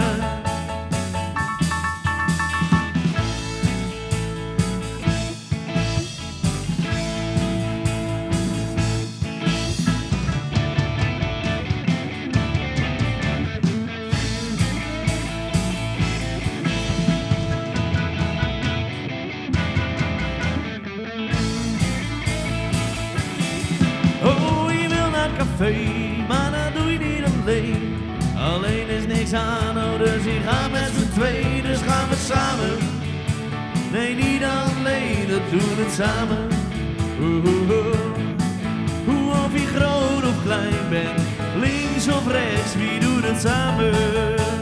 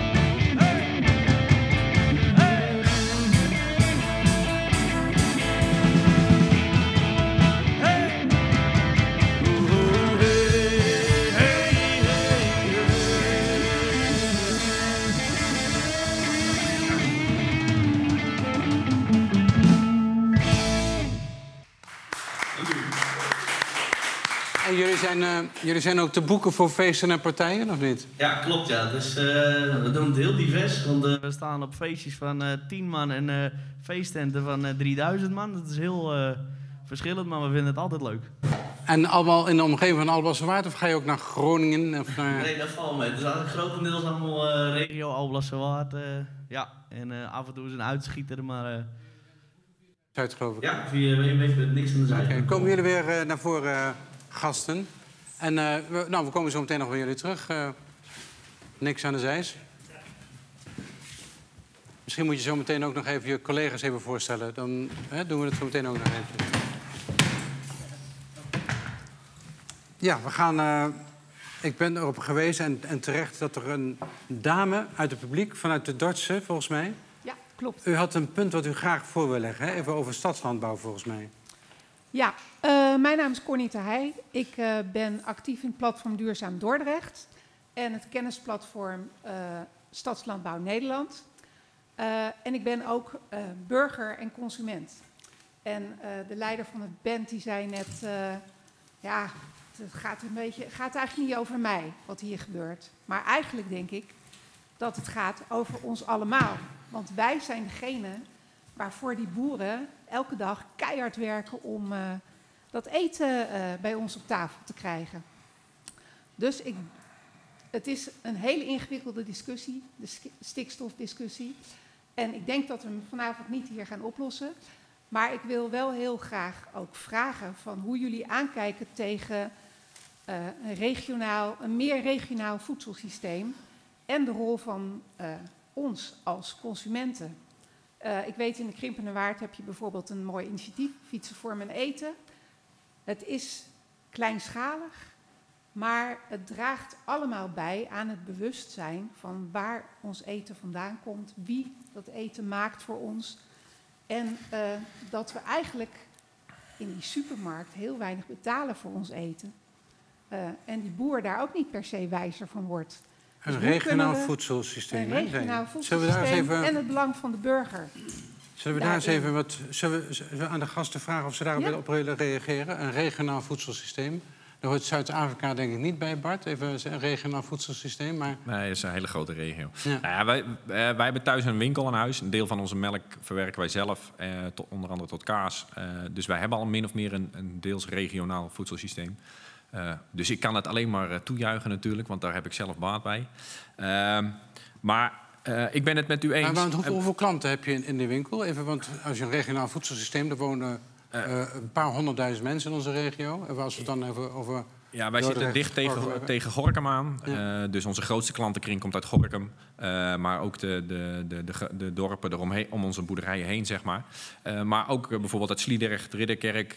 en zelfs uit Den Haag komt er iemand die komt eens in de zoveel maanden. Die komt bij ons, want we verkopen ook vlees van onze eigen koeien. Eh, en die neemt dan een hele mand vol mee naar huis. En dan kan hij er voorlopig weer even tegen. Eh, maar goed, de, de, de, de, de, grootste klantenkring komt in een straal van nou, zeg 10 kilometer rond, rond de boerderij, zeg maar. eh 10, 15 kilometer denk ik, eh, als ik het moet schatten. Ehm, dus dat, dat is inderdaad regionaal. En ehm, En dan snij je dus de tussenhandel weg. Hè? Dan heb je direct contact tussen Ja. de klanten en producent. Even, dat is ook wat u bedoelt, volgens mij. Ja. Ehm, en da- dat heeft aan beide kanten voordelen, want, want, want al die tussenhandels die willen er ook wat, eh, wat, wat, aan verdienen natuurlijk. Ehm, dus, dus ik vind dat mooi. Ehm, en dat, de, een van de eh, dingen dat wij daar ook mee be- begonnen zijn, is, ehm, u gaf het ook al aan, ik denk dat we als, als consument steeds meer het, de feeling met ons eten verliezen. We weten niet meer waar het vandaan komt, we weten niet meer wat er nodig is om het te produceren. En dat is een van de dingen die ik graag wil laten zien. Wij krijgen klanten bij ons op het erf, die komen een stuk kaas halen. En dan, als ze het erf oprijden, rijden ze bij ons ja, bijna tegen de stal aan, zeg maar. Er staat een gigantische stal, is niet te missen. Of tenminste, gigantisch, 55 koeien valt wel mee. Maar, maar, maar hij is zo groot dat je met, vanuit de auto kun je hem niet missen, zeg maar. En toch komen er mensen bij ons in de winkel. Er zit in de winkel een groot raam, kijk je in de kaasmakerij. Eh, en dan moet je ze nog uitleggen, ja, die, die, die kaas die maken wij zelf. En, en die koeien die, die we nodig hebben voor die melk, die hebben wij ook hier, die, die, die zitten ook bij ons, zeg maar. Die, die melken wij ook zelf. Dus je moet daar mensen heel erg in uitleggen. Hè. En, en we zijn in de supermarkt gewend om met een karretje door de supermarkt te, te, te rennen. En zo snel mogelijk alles in het karretje te mikken. En we gaan weer naar huis en we, we eten het liefst eh, kant en klaar. En Want merk, dat is merk je, want ik heb eh, dat- van horen zeggen, maar dat de afgelopen maanden dat versterkt is? Dat, eh, dat, directe, eh, dat, dat er meer consumenten direct bij de boer terechtkomen. Ja. Merken jullie dat ook in je winkel? Ja. En wat zou er nodig zijn om, dat, om jullie hele bedrijf daaromheen te organiseren? Dus dat je eigenlijk alleen nog maar dat doet. Is dat, is dat mogelijk? Eh, Kan je daar een bedrijfsvoering uit runnen? Ehm, ja, dat kan denk ik wel. Alleen, ehm, we, we zitten ook met een stuk markt. Eh, Op dit moment is het interessanter om de melk aan de fabriek te leveren... dan, dan, dan zelf kaas te maken en te verkopen, zeg maar. Eh, als je alle, alle kosten en arbeid erbij gaat tellen. Dus, dus dat, dat is altijd een beetje een spanningsveld. Maar ehm, daar is zeker... En dat is ook een van de redenen dat we die verbreding hebben gezocht... dat we kaas zijn gaan maken. Wij moeten met twee gezinnen van 55 koeien leven. Ehm, dat, dat, dat gaat in de praktijk eigenlijk niet, want de, de marges zijn zo dun dat dat niet gaat. En dan is een van de dingen eh, of opschalen, dus veel meer koeien gaan melken, ehm, of, in de verbreding gaan zoeken. En, en wij hebben het in de verbreding gezocht. Alleen het punt wat ik ook wil, wil aangeven is. ehm, en daar, daar, daar gaan we in de, toekomst, in de komende tijd steeds meer tegenaan lopen. De, de, de portemonnee wordt steeds krapper. En we moeten steeds meer uitgeven aan energie. Dus we, we kunnen het maar één keer uitgeven. We willen graag drie keer in het jaar op vakantie. Eh, maar, maar we moeten straks heel veel uitgeven aan, aan gas en licht. Dus er gaan steeds meer. eh, Het aantal klanten van de voedselbanken neemt ook gigantisch toe. En ik denk, daar, daar zit wel een zorg. Ik vind het mooi als wij onze hele regio eh, kunnen voorzien van kaas. Maar er zijn steeds meer mensen die dat gewoon niet kunnen betalen. Ja. En die eh, aan het eind van de geld nog een heel stuk maand overhouden. Ja, dat ben ik helemaal met je eens. En daar moeten natuurlijk ook oplossingen voor gevonden worden om eh, mensen ook, eh, ja, die krijgen nu de restjes uit de supermarkt. Super dat het er is. Maar eh, bijvoorbeeld op het eiland van Dordrecht groeien ook heel veel, en, en in de Ablaswaard groeit ook heel veel wat eh, naar de voedselbank kan. Daar, moeten, eh, daar zijn toch vast systemen voor te bedenken. En inderdaad, als consumenten, ja, we zullen keuzes moeten gaan maken. Eh, we kopen met gemak dozen Magnums, weet ik veel wat allemaal. Maar hebben het dan niet geld over voor een goed stuk kaas waar een boer ook nog wat aan verdient. En ik denk dat die boodschap ook van dat jullie zo, ja, zo weinig marge hebben, dat is gewoon eh, ja, super droevig. Want wie gaan ermee vandoor? De groot aandeelhouders en de, de, van, van de Albert Heijns en eh, de andere concerns. eh. Teunis Jacob, die regionale voedselmarkt, voedselvoorziening. Jij bent ook bij een coöperatie betrokken volgens mij? Of Ja. bij Wil de je dat. Ja, klopt ja. Eigenlijk grappig om te vertellen is, wij starten niet met het voedselverkopen, maar wij starten met het aanbieden van een wandeltocht over, en, over de bedrijven door de polder. En later is dat bijgekomen van het gezamenlijk aanbieden van de producten. En waar Bart ook een beetje aangeeft, het is. eh, eh, we zijn zo efficiënt in de productie, in de verwerking, dat je heel goed op moet letten aan de kostenkant en ook aan de arbeidkant van kun je daar ook nog een, een boterham extra mee verdienen. Mhm. En dat snijdt denk ik ook in het, in het traject van hoe eh, dat zich verhoudt eh, enerzijds in, in de handel en in de retail. Want we hebben gezegd we moeten opschalen, want dan kunnen we, hebben we een wederwoord naar de retail en we zitten in een red race. En aan de andere kant, en dat, daar wil ik aan toevoegen wat u zegt, voedsel is vele malen belangrijker. Daar staan we zelf in de gaten hebben. Want we, we beschouwen het bijna als, als buikvulling. In plaats van dat het eh, goed is voor je, voor je lichaam en voor je geest. En wat we hier vanavond bespreken, is het ook goed voor onze omgeving. En dan krijg je een, een ander plaatje daarin. En dan is die waarde van de voedselproductie, die is meer dan de melk, de kaas of wat dan ook. Nee, dat is een samenhang van activiteiten op de boerderij, activiteiten in, in het weiland, et cetera. En dan heb je dus een iets ander perspectief voor ogen. Ja, even terug, want jij bent wethouder geweest. Volgens mij was je ook wethouder voedsel. Hè? Ja, Even, ja dat klopt. Ja. en heb je bewust ook gekozen voor die naam en niet voor economie of landbouw? Nou ja, we hebben ook in, de, in, in aanloop naar de vorige verkiezingen gezegd... dit is voor ons een belangrijk thema om mee te nemen. Want we zien dus, en het, mevrouw noemde het al, hoe kinderen opgroeien. Er zijn kinderen die zonder eh, dat ze ontbeten hebben... s ochtends op school komen en wel met een, met een snoepje of met een zak chips mee, mee naar school komen. Nou, daar begint het dus al. Ja, maar wat er zou er nodig zijn om die coöperatiegedachte, waar je wel mee bezig bent, om die meer vleugels te geven, zodat de regio meer profijt kan hebben van al die agrarische activiteit die in onze omgeving eh Nou plaatsvinden? ja, wij hebben in ons geval gezocht naar een systeem waar, waar we niet in omkomen qua arbeid. Dus hij is eh, met een passiesysteem is die soms onbemand. Zaterdag 's ochtends is hij wel bemand. Dus mensen kunnen op een eigen wijze eh, boodschappen komen doen. Plus dat we dus van zes boeren op dit moment eh, de producten samenvoegen. Dus dat eh, geeft ook al een, een, een slag. Eh, Heb je een eigen kleine supermarkt? Ik, ik noem het maar even. ja, een, een eigen hele kleine supermarkt. Ja? Ja, maar wel, het werkt wel als ze daar. En ik vind het zelf wel grappig dat we op die manier eh, toch een, een, een systeem hebben gecreëerd. Dat we zeggen van ja, het, je hebt een enorme drive om dingen te doen, maar je moet dus oppassen van ja, dat, dat kan heel veel arbeid kosten. Ja, zonder dat, eigenlijk wat Bart ook zegt. Hè? Even, ja, dat moet je goed in de gaten houden. De- Ja. Ja. Maar ja, dat is het wel waard. Hè? En dat is het punt. We zijn niet bereid om het te betalen. Dat hebben we net al geconstateerd. Als je in de supermarkt eh, staat en je wil iets biologisch kopen, moet je er veel meer voor betalen. Dat is natuurlijk ook al een hele rare impuls om het zo te zeggen. En ik vind persoonlijk, we zijn ook met allerlei projecten bezig, met korte ketens en dergelijke. Maar dat die detailhandel daar wel erg eh, zijn kop in het zand steekt. Ik, we hebben een discussie gehad met Hoogvliet, dat is een, eh, een supermarktketen. En die zei, nou, we willen heel graag dat het Zuid-Ons landschap op de, pakken, op de pakken komt te staan. Zei, nou, wat heeft dat voor voordeel? Ja, dan verkopen wij het beter. Ik zei, ja, dat is leuk. Maar wat schieten we ermee op? Ja, dat is een mooie marketingstrategie, is prima, maar daar zit geen marge op, dus daar kunnen we niks in betekenen. Ja, als de retail op deze manier ermee bezig blijft, krijgen we die transitie nooit voor elkaar. En eh, ja, echt gezondheid van mensen, volgens mij wordt het onderkend hoe belangrijk het is om gewoon goed en gezond voedsel te Want wij spreken nu met, met, met z'n drieën, jullie met Ja. z'n drieën, ik heb jullie eh, uitgenodigd. Ehm, spreken jullie ook in die keten met elkaar? Dus, dus met, met degene, die tussenhandel die je net zegt, die er tussenuit zou willen, soms er tussenuit zou willen snijden. Spreken jullie daarmee ook om te kijken hoe je elkaar kunt nou ja, versterken? Misschien wel iets daaruit weghalen. Even hoe je directer contact kunt hebben met, met nou, de consument, met, eh, met de supermarkt wellicht. Even, Ja, dat, wordt, wordt, wordt dat gesprek ook gevoerd? dat is divers, want deels eh, wordt onze melk ook verwerkt in de fabriek. Het vlees van de ossen, dat laten we bij een ambachtelijke slager slachten. En dat verkopen we. Dus in die zin is die keten redelijk kort. En heb je daar ook wel grip op en kun je dus ook maatwerk met elkaar organiseren. Maar om nou te zeggen van, die beweging is wel gaande. Ja.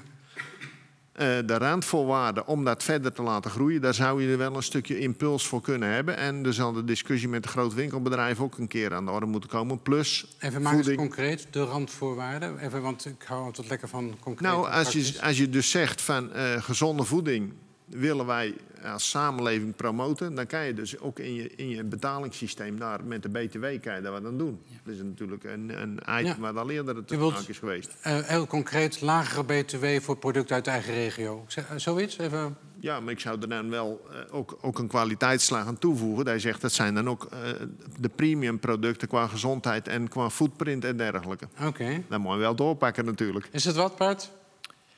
Ja, de, de- kijk, er zijn altijd. Ik, ik ik geloof zeker dat dat werkt. Eh, daar, daar, daar, wordt ook op, eh, daar zijn ze ook mee bezig. Maar dan hoor ik dat onze, onze belastingdienst. Ja. eh, dat schijnt heel ingewikkeld te zijn. Om, om, om in plaats van 9% BTW, maar 3% BTW te, te heffen. Dat, dat kan Ja. niet in de belastingdienstsystemen. Dus dat gaat niet door. Dan denk ik, ja jongens, waar hebben we het dan over? Ja. Eh, de- dat soort Nou, daarom- futiliteiten. En, en, en Daarom hebben we vandaag ook... ook de afspraak, Bart, dat we even niet over de grote systemen praten. Precies, want- maar, nee, maar, maar dat wij gaan proberen een oplossing Ehm, te bedenken. En dan gaan we uiteindelijk gaan we daar met, met, met financiële prikkels, daar, daar kun je heel veel mee, mee sturen. En eh, dat, dat is een ding dat zeker is. En dan is het vervolgens wie gaat er bepalen wat er wel en niet gezond is. Want eh, Ja. ja, daar, dat is een volgende discussie. Maar, maar daar, met financiële prikkels kun je, kun je veel sturen. Aan de andere kant merk ik, hè, als we het bij ons over de winkel hebben. Ik denk dat bij ons in de, de laatste maanden, inderdaad, je gaf het al aan, eh, groeit onze klantenkring ook. eh, mensen die, die, die, die, die, eh, die, direct bij de boer willen komen kopen. Maar, maar ook een groot deel van onze klantenkring zijn mensen die bewust met er eten bezig zijn. En, eh, en die hebben er wat meer voor over om, om, om goed te eten en om gezond te eten. Die, zijn, die zeggen misschien, nou, ik eet een keer minder vlees, maar ik eet wel goed vlees. Daar betaal ik wat meer voor. Die, die klantenkring, daar, die, en die groeit. En die groeit. Alleen, eh, ja, wat ik ook al eerder aangaf, Ja. er is ook een heel, heel deel van de samenleving die het gewoon niet kan betalen. En, dat, eh, dat, en, en het, het funeste is Ja, dat die mensen die niet, niet kunnen betalen, die kunnen die snoepjes en die chips, die kunnen ze wel betalen. Want, want, want de grootste meuk is het goedkoopst in de supermarkt. Mhm. Ja. Want daar zit de meeste marge op. Ik kijk even, want, want je hebt Klopt. dit aangezwengeld. Even Ja, eh, nou ja, in Rotterdam heb je een mooi project eh, Rotterdam de Boer op. Ik weet niet of jullie Natuurmonumenten, dat eh, ja. kennen. Daar proberen ze vanuit, eh, eh, met veel geld, onder andere van de Nationale Postcode Loterij, eh, Rotterdam bekend te maken met de boeren eh, in het ommeland. eh. Eh, nou, hoe mooi zou het zijn als we hier eh, Ja. ook zo'n soort project krijgen van eh eh, Dordrecht de boer op. Dordrecht heeft natuurlijk vooral akkerbouw, enkele kleine eh, Wie- ik, kijk even naar Maar Michiel. dan eh, met z'n allen de Wie, wie, zou daar, wie zou in zoiets het voortouw kunnen nemen? Is dat iets dat voor het Zuidland landschap of is dat te ver buiten jullie? Dat is best een lastig project, want eh, Rotterdam de Boer op wordt door Natuurmonumenten gedaan. Dus dat, dat kan wel, maar er zit wel een hele impuls achter vanuit de Nationale Postcode Loterij... om Oké. dat goed voor elkaar te krijgen. Anderzijds is het wel iets waar wij allemaal in geloven dat je aan zou moeten werken. Eh, en ik denk als je dat samen zou oppakken, dat je er veel meer mee kan. Maar die, die tussenhandel is echt wel een, een bottleneck in mijn beleving. Om dit Oké. soort dingen echt een schaalsprong En dan heb je het over die, wat je net noemde, die retailsector. In die retailsector, eh ik heb Dus die soms zou het idee dat hij echt bewust dit tegenwerkt... omdat er te weinig marge op zit. En in dat kader dat er gewoon een belang is om het te houden zoals het nu is. Dus die zou, als, die zou aan tafel moeten kunnen komen, maar dan als bondgenoot. Dat is even de... Ja, dan moeten ze nu- over de brug. Zij moeten Oké, echt dus over de volgende keer moet de retail erbij zitten. Dat is een Ja, goed, punt. Eh Teunis. Ja, dat. Maar ik zou er ook aan toe willen voegen. Dat is ook wat u denk ik aangeeft. Je kan ook bottom-up met elkaar. En dat geeft Bart eigenlijk ook aan. Kun je al die beweging gaan maken. En dat wil niet zeggen dat je in één, één stap eh, die sprong gemaakt hebt. Nee, elke keer doe je een stapje. Ja, En dat is ook een verbinding maken. Het, het is meer dan alleen het kopen van het voedsel in de regio. Nee, je, je komt in verbinding met elkaar.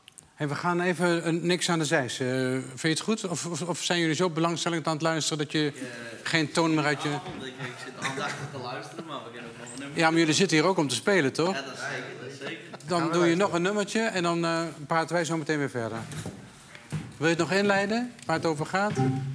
Ja, dat is eh, een nummertje ook eh, wederom van normaal. En eh, ja, ik denk ook wel eh, over net het aanpakken gesproken, dat we toch vanaf schouders eronder moeten steken en eh het moet gewoon even deur donderen. Oké, oh, ja.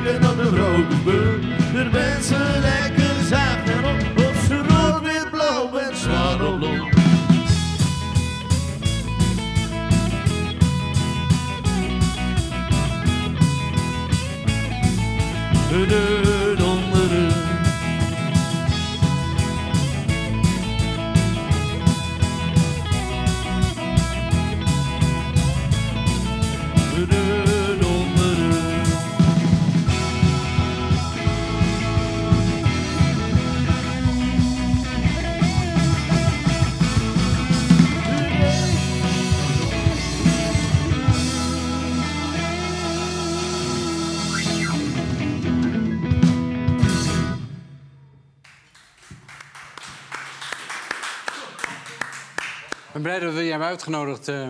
Wil je- zou je collega's nog even voorstellen. Ja, Eh, nou, ik denk dat ze dat ook... eh, maar dat is Bastiaan de Groot.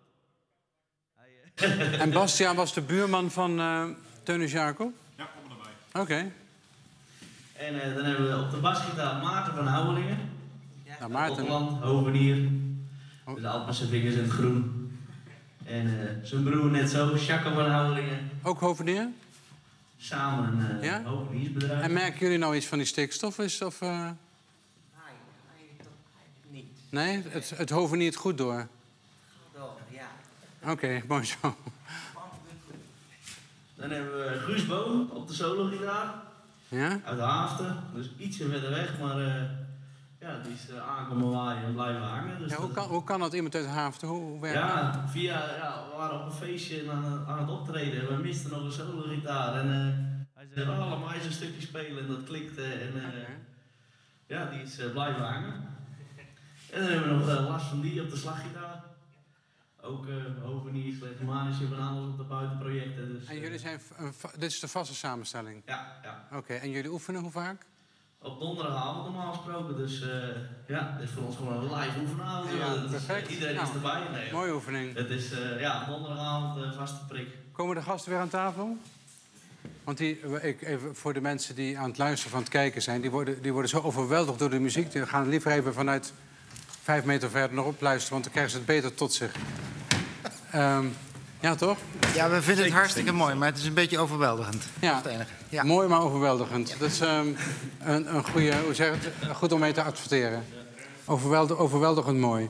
Ehm, hey, ik wilde eigenlijk ehm, met jullie proberen wat adviezen te gaan geven aan, eh, aan Remkes. En aan de regering, want het zou volgens mij wel moeten lukken. Want kijk, als wij er hier aan tafel uitkomen, dan kan het ook een format zijn of een, hoe zeg het, een model zijn voor op andere plekken hoe, hoe eh, natuurbeheerders en, en boeren met elkaar in gesprek kunnen zijn. Dus we kunnen het over een aantal dingen misschien eens worden als we nou eens even kijken hoe ver we komen op dat punt. En iedereen mag steeds een duit in het zakje doen en dan kijken even of jullie het alle drie eens zijn en dan, dan blijft het staan. Als je het nog niet eens bent, dan moeten we een beetje doordiscussiëren misschien. Ik heb al wel wat punten opgeschreven vanuit het eerste deel van het gesprek, maar ik vind het eigenlijk leuker als het nu ook even uit jullie komt. En anders help ik wel, help ik wel een handje. Teunis Jacob, wat zou de eerste, het eerste advies van Remkes moeten zijn aan, eh, aan het kabinet? En, ehm, Hij is, hij is natuurlijk gevraagd voor het eh, stikstofdossier, maar hij heeft zelf aangegeven... ik wil ook kijken naar het perspectief. ja. En toen ik dat las, heb ik hem gebeld. En ik had hem daarvoor al een, een, een, een stuk gestuurd... waar we in, in mijn rol als wethouder al een beetje opgesteld hadden in het vorige...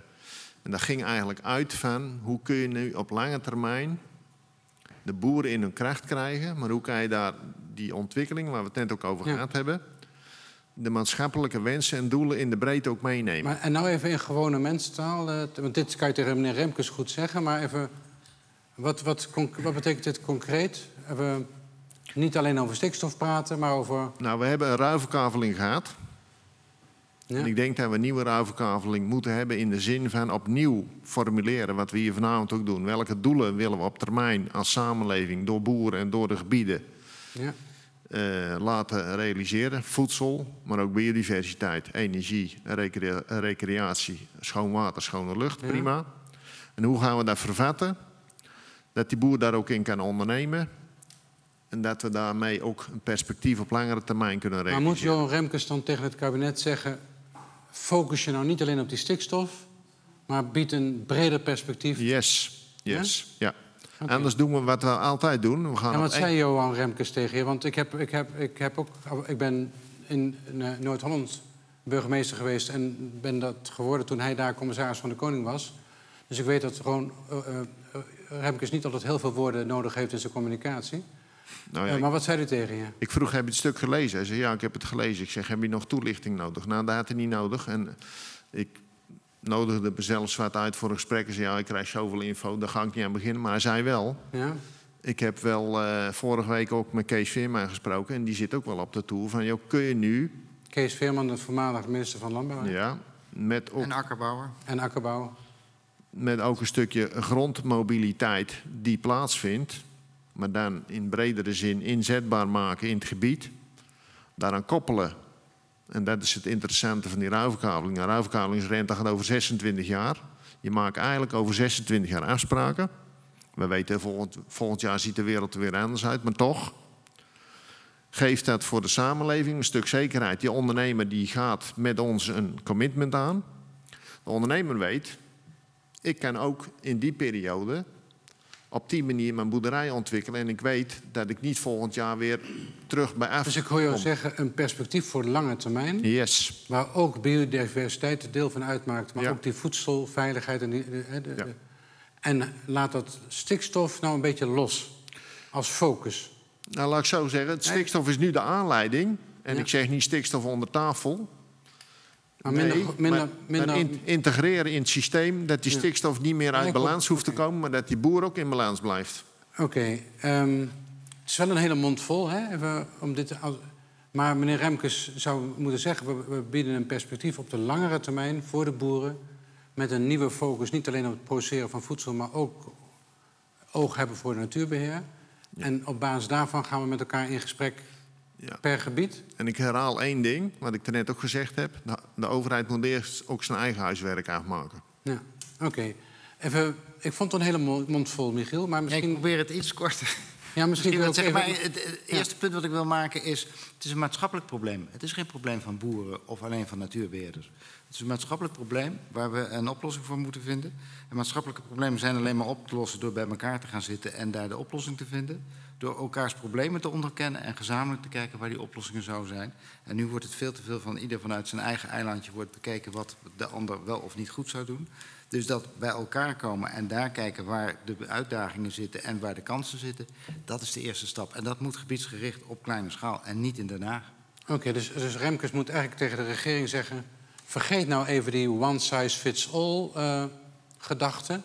maar ga dit, ga dit in kleinere eenheden oplossen... met de verschillende partijen tegelijk aan tafel. Ja, Zeg ik het zo goed? Ja. En doe dat met een agenda die perspectief biedt op de langere termijn. En focus niet op dat, die kleine snippertjes eh, eh, qua... nu is het stikstof, toen was het fosfaat. dadelijk is het kaderrichtlijn water, zo kun je alles achter elkaar plakken. Bart, wat vind jij ervan? Eh, Is dit eh, een goede boodschap aan Remkes of moet het radicaler? Ja, ik denk dat dit, dat dit een goede boodschap, is. Wij, als wij investeren, dan investeren wij voor de komende 20, 30 jaar. En, Ja. en niet voor, voor, voor een regeer- regeerperiode van vier jaar. Ja. En eh, daar moeten we wat mee. En, en we hebben het over emissiearme vloeren gehad. Die mensen die moesten vanuit de overheid daarop investeren. Dat hebben ze gedaan. En we zijn een paar jaar verder. Die mensen die zitten tot hier gefinancierd. En het wordt afgeschoten omdat er een rechter wat van vindt. Ja, waar zijn we dan mee bezig? Geef die boeren perspectief. Maar, maar een van de dingen voor dat perspectief is ook een stuk vertrouwen. En dat, hebben we ook, dat, dat is er ook niet Ja. op dit moment. Teunus Jacob gaf toen straks al eventjes aan over de pasmelders. Eh, er zijn heel veel boeren die hebben een vergunning, maar er zijn ook boeren die hebben een melding. En een melding is niet een, dat, dat, dat staat niet vast, zeg maar. Dat is niet in beton gegoten. Dat, dat hebben ze gekregen omdat de overheid op dat moment zei, zo moet het. De boeren die hard wilden groeien, die veel meer koeien wilden gaan melken, die moesten een vergunning aanvragen. De boeren die, die gelijk bleven of maar een heel klein beetje in hun missie groeiden, eh, eh, die, die konden afdoen met een melding. Sterker nog, die konden geen vergunning aanvragen. En nu zijn we een paar jaar verder en zijn die melders ineens allemaal illegaal. Dat kan niet. Die, worden, die, die, die volgen netjes de regel van de wet, die doen netjes wat de overheid tegen ze zegt. En ze worden gewoon illegaal verklaard. Terwijl het soms al bedrijven zijn die al, al generaties lang er zijn. Nou heeft mevrouw Schouten, onze oude en inmiddels weer nieuwe eh, minister van Landbouw, eh, een aantal jaren geleden al gezegd. Dat is één van de punten. Teunus eh, refereerde er al een klein beetje aan volgens mij. Een van de punten is die pasmelders, die gaan we legaliseren. We zijn drie jaar verder en het gebeurt nog steeds niet. Ja. We zijn al een tijd aan het strijden als, als sector. Er wordt niks mee gedaan. Sterker nog, we krijgen alleen maar week op week steeds meer de boeman toegespeeld. Het is de schuld. Een cabaretier zei dat het satire was. Die liet het hele publiek roepen: het is de schuld van de boeren. Waar zijn we met z'n Ja. allen mee bezig, jongens? Geef vertrouwen en zorg dat er vertrouwen tussen de boeren en de overheid weer terugkomt. Oké, ik heb even voor, als advies aan Remkes, even kijken of ik... eh, ik heb staan, geef vertrouwen. Bied een breed, breed perspectief. Ga aan tafel zitten per regio met alle betrokken partijen. En regel de pasmelders. Ja, daar zijn we een heel eind. Aardig, aardig samengevat. eh. Ja, is dit hem? En, en niet alleen de betrokken partijen, maar alle partijen die er een rol in spelen. Dus ook de industrie, ook de... In, eh, Ja, dat is ook nog een punt van, van later ook... Er wordt echt veel gefocust Focus op niet alleen op de- de op de- boeren ja. en, de, en, en de landbouw. En dat gaat zeker niet altijd makkelijk. Maar aan de andere kant, zo- het probleem is een maatschappelijk probleem. En dat moeten we met elkaar aanpakken. En niet alleen maar eh, toeschuiven aan twee partijen... die dan in een hok gestopt worden en mogen het uitzoeken. En dan even concreet, dan bedoel je de, eh, eh, de fabrieken, de luchtvaart. Even, dat, dat zijn de twee grote... De woningbouw, Woningbouw, partijen, ja. iedereen die met activiteiten bezig is in dit gebied. Oké. Ehm, is dit, want ik, jij zegt het is een mooie boodschap voor Remkes. Eh, missen we nog iets? Nou, ik denk... Want ik ga je zo meteen natuurlijk vragen, je hebt het telefoonnummer van Remkes. Even, Bel dus dan hem ga je, ga je zorgen dat, dat deze samenvatting bij hem terechtkomt natuurlijk. Ja. Ik denk eh, het lange termijn en het integrale, dat vereist enorme inzet. Je, je noemde het, eh, nou het is best ingewikkeld. Ja, dat is ingewikkeld, ja. Maar het is kansrijker in mijn beleving dan elke keer een stapje doen en dan erachter komen het volgende stapje. En integraal betekent het breed kijken naar de verschillende invalshoeken. Ja, ik probeer Maar ook, ook, en dat wil ik eigenlijk doen, dan moet je ook durven te investeren. En daarom noem ik de link met de ruilverkaling. Er is enorm geïnvesteerd na de Tweede Wereldoorlog in die landbouw. Ja. En dat moeten we gewoon weer doen. Die 25 miljard is misschien wel veel te weinig. Ja, het zou kunnen. Ja. Ik zeg, maar dat maakt niet uit als het plan maar goed Mm. is. Want dan komt hij ook weer terug. Want dan heb je een dienst voor die samenleving, waar die samenleving behoefte aan hebben. En die boer die gaat erin voorzien. En die weet dan ook waar hij naartoe kan. En dat hij zijn kinderen ook op de boerderij kan Ja. laten boeren. Je overweegt geen lidmaatschap van de ChristenUnie. eh, want als je dat doet, kun je namelijk op de post van landbouw terechtkomen. Hè? Nee, dat was, een- was Ik hoop, ik hoop dat er een hele goede minister komt. Ja. Die ook Misschien niet die per se visie- belangrijk dat de partijpolitieke lijnen... dat het Nou ja, per dat- se vanuit diezelfde hoek hoeft te komen, toch? Even- Nou ja, dat, dat, ik zou zeggen, geef jij dat advies maar mee, dan, dan horen we het wel. Ja, goed. Miss- Misschien dat wij het met z'n drieën doen. Ja. Gecombineerd mi- ministerschap. Ja, Een gecombineerd ministerschap. Dat is, dat is een, een hele vernieuwende suggestie voor eh Johan Dat is Remkes. wel nieuw voor Bart, Remkes. wat missen we nog in het rijtje? Ehm, nou, ja, ik denk dat, dat we een heel eind zijn. Ik denk, ik zit er nog eens even over na te denken, want we willen het, we willen het graag oplossen. Alleen, eh, eh, en, en, en met, met de, ik denk wel de betrokken partijen en, en eh, de partijen die, de, die betrokken zijn bij, bij, bij, bij het gebied, zeg maar, Ja. die moet je hebben. En dat, dat is industrie, dat is de supermarkt, de retail. Ehm, alleen, eh, de, de- het is op dit moment zo, er zijn 160 Natura 2000 gebiedjes. Ja. En ehm, gebiedjes en gebieden.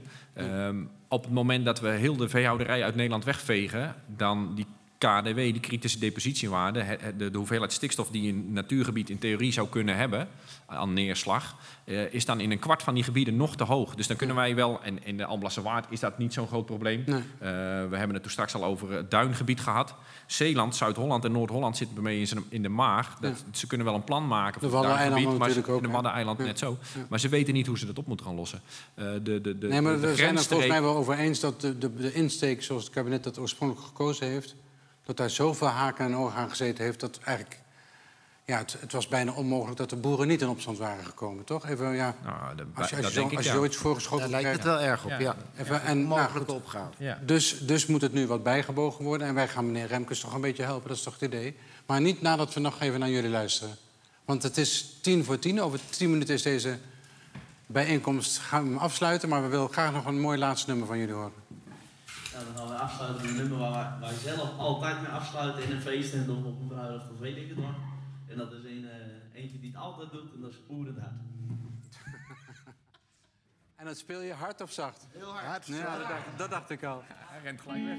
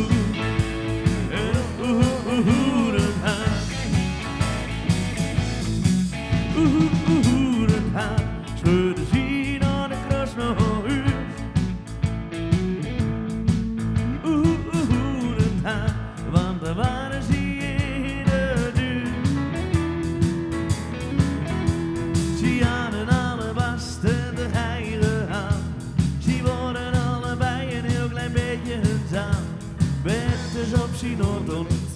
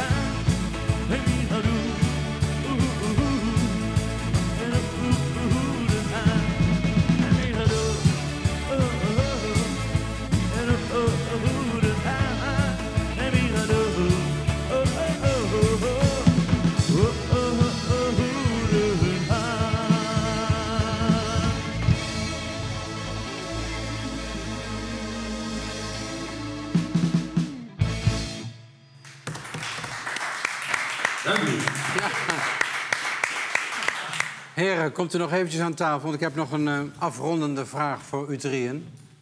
En voor de dame. Wou je nog wat zeggen? Eh, doe even, want we hebben nog twee minuutjes. Dus... Eh, ik wil heel graag meegeven dat wij op, als platform Duurzaam Dordrecht Ja. op 17 september de derde voedselfietstocht organiseren langs boeren en eh Kijk. voedselinitiatieven over het eiland van Dordrecht. Aanmelden via de website. Heel mooi. Ik hoop dat dit goed verstaanbaar was voor iedereen. Niet? Niet goed verstaanbaar? Nog een keer. U mag het nog een keer zeggen. Wervend. Oké. Als platform Duurzaam Dordrecht organiseren wij zaterdag 17 september voor de derde keer een voedselfietstocht over het eiland van Dordrecht langs boeren- en voedselinitiatieven.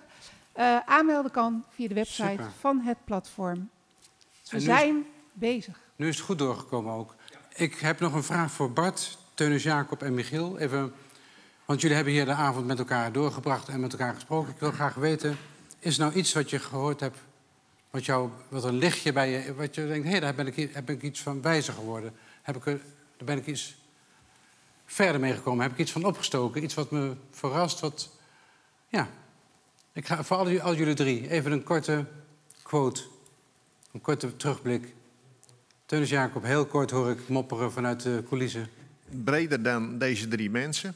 Want we hebben niet voor niks die mevrouw die ook een vraag stelt en input levert. Ja, Dus de, de samenhang en samenwerking. En niet op basis van wantrouwen, maar op basis van perspectief.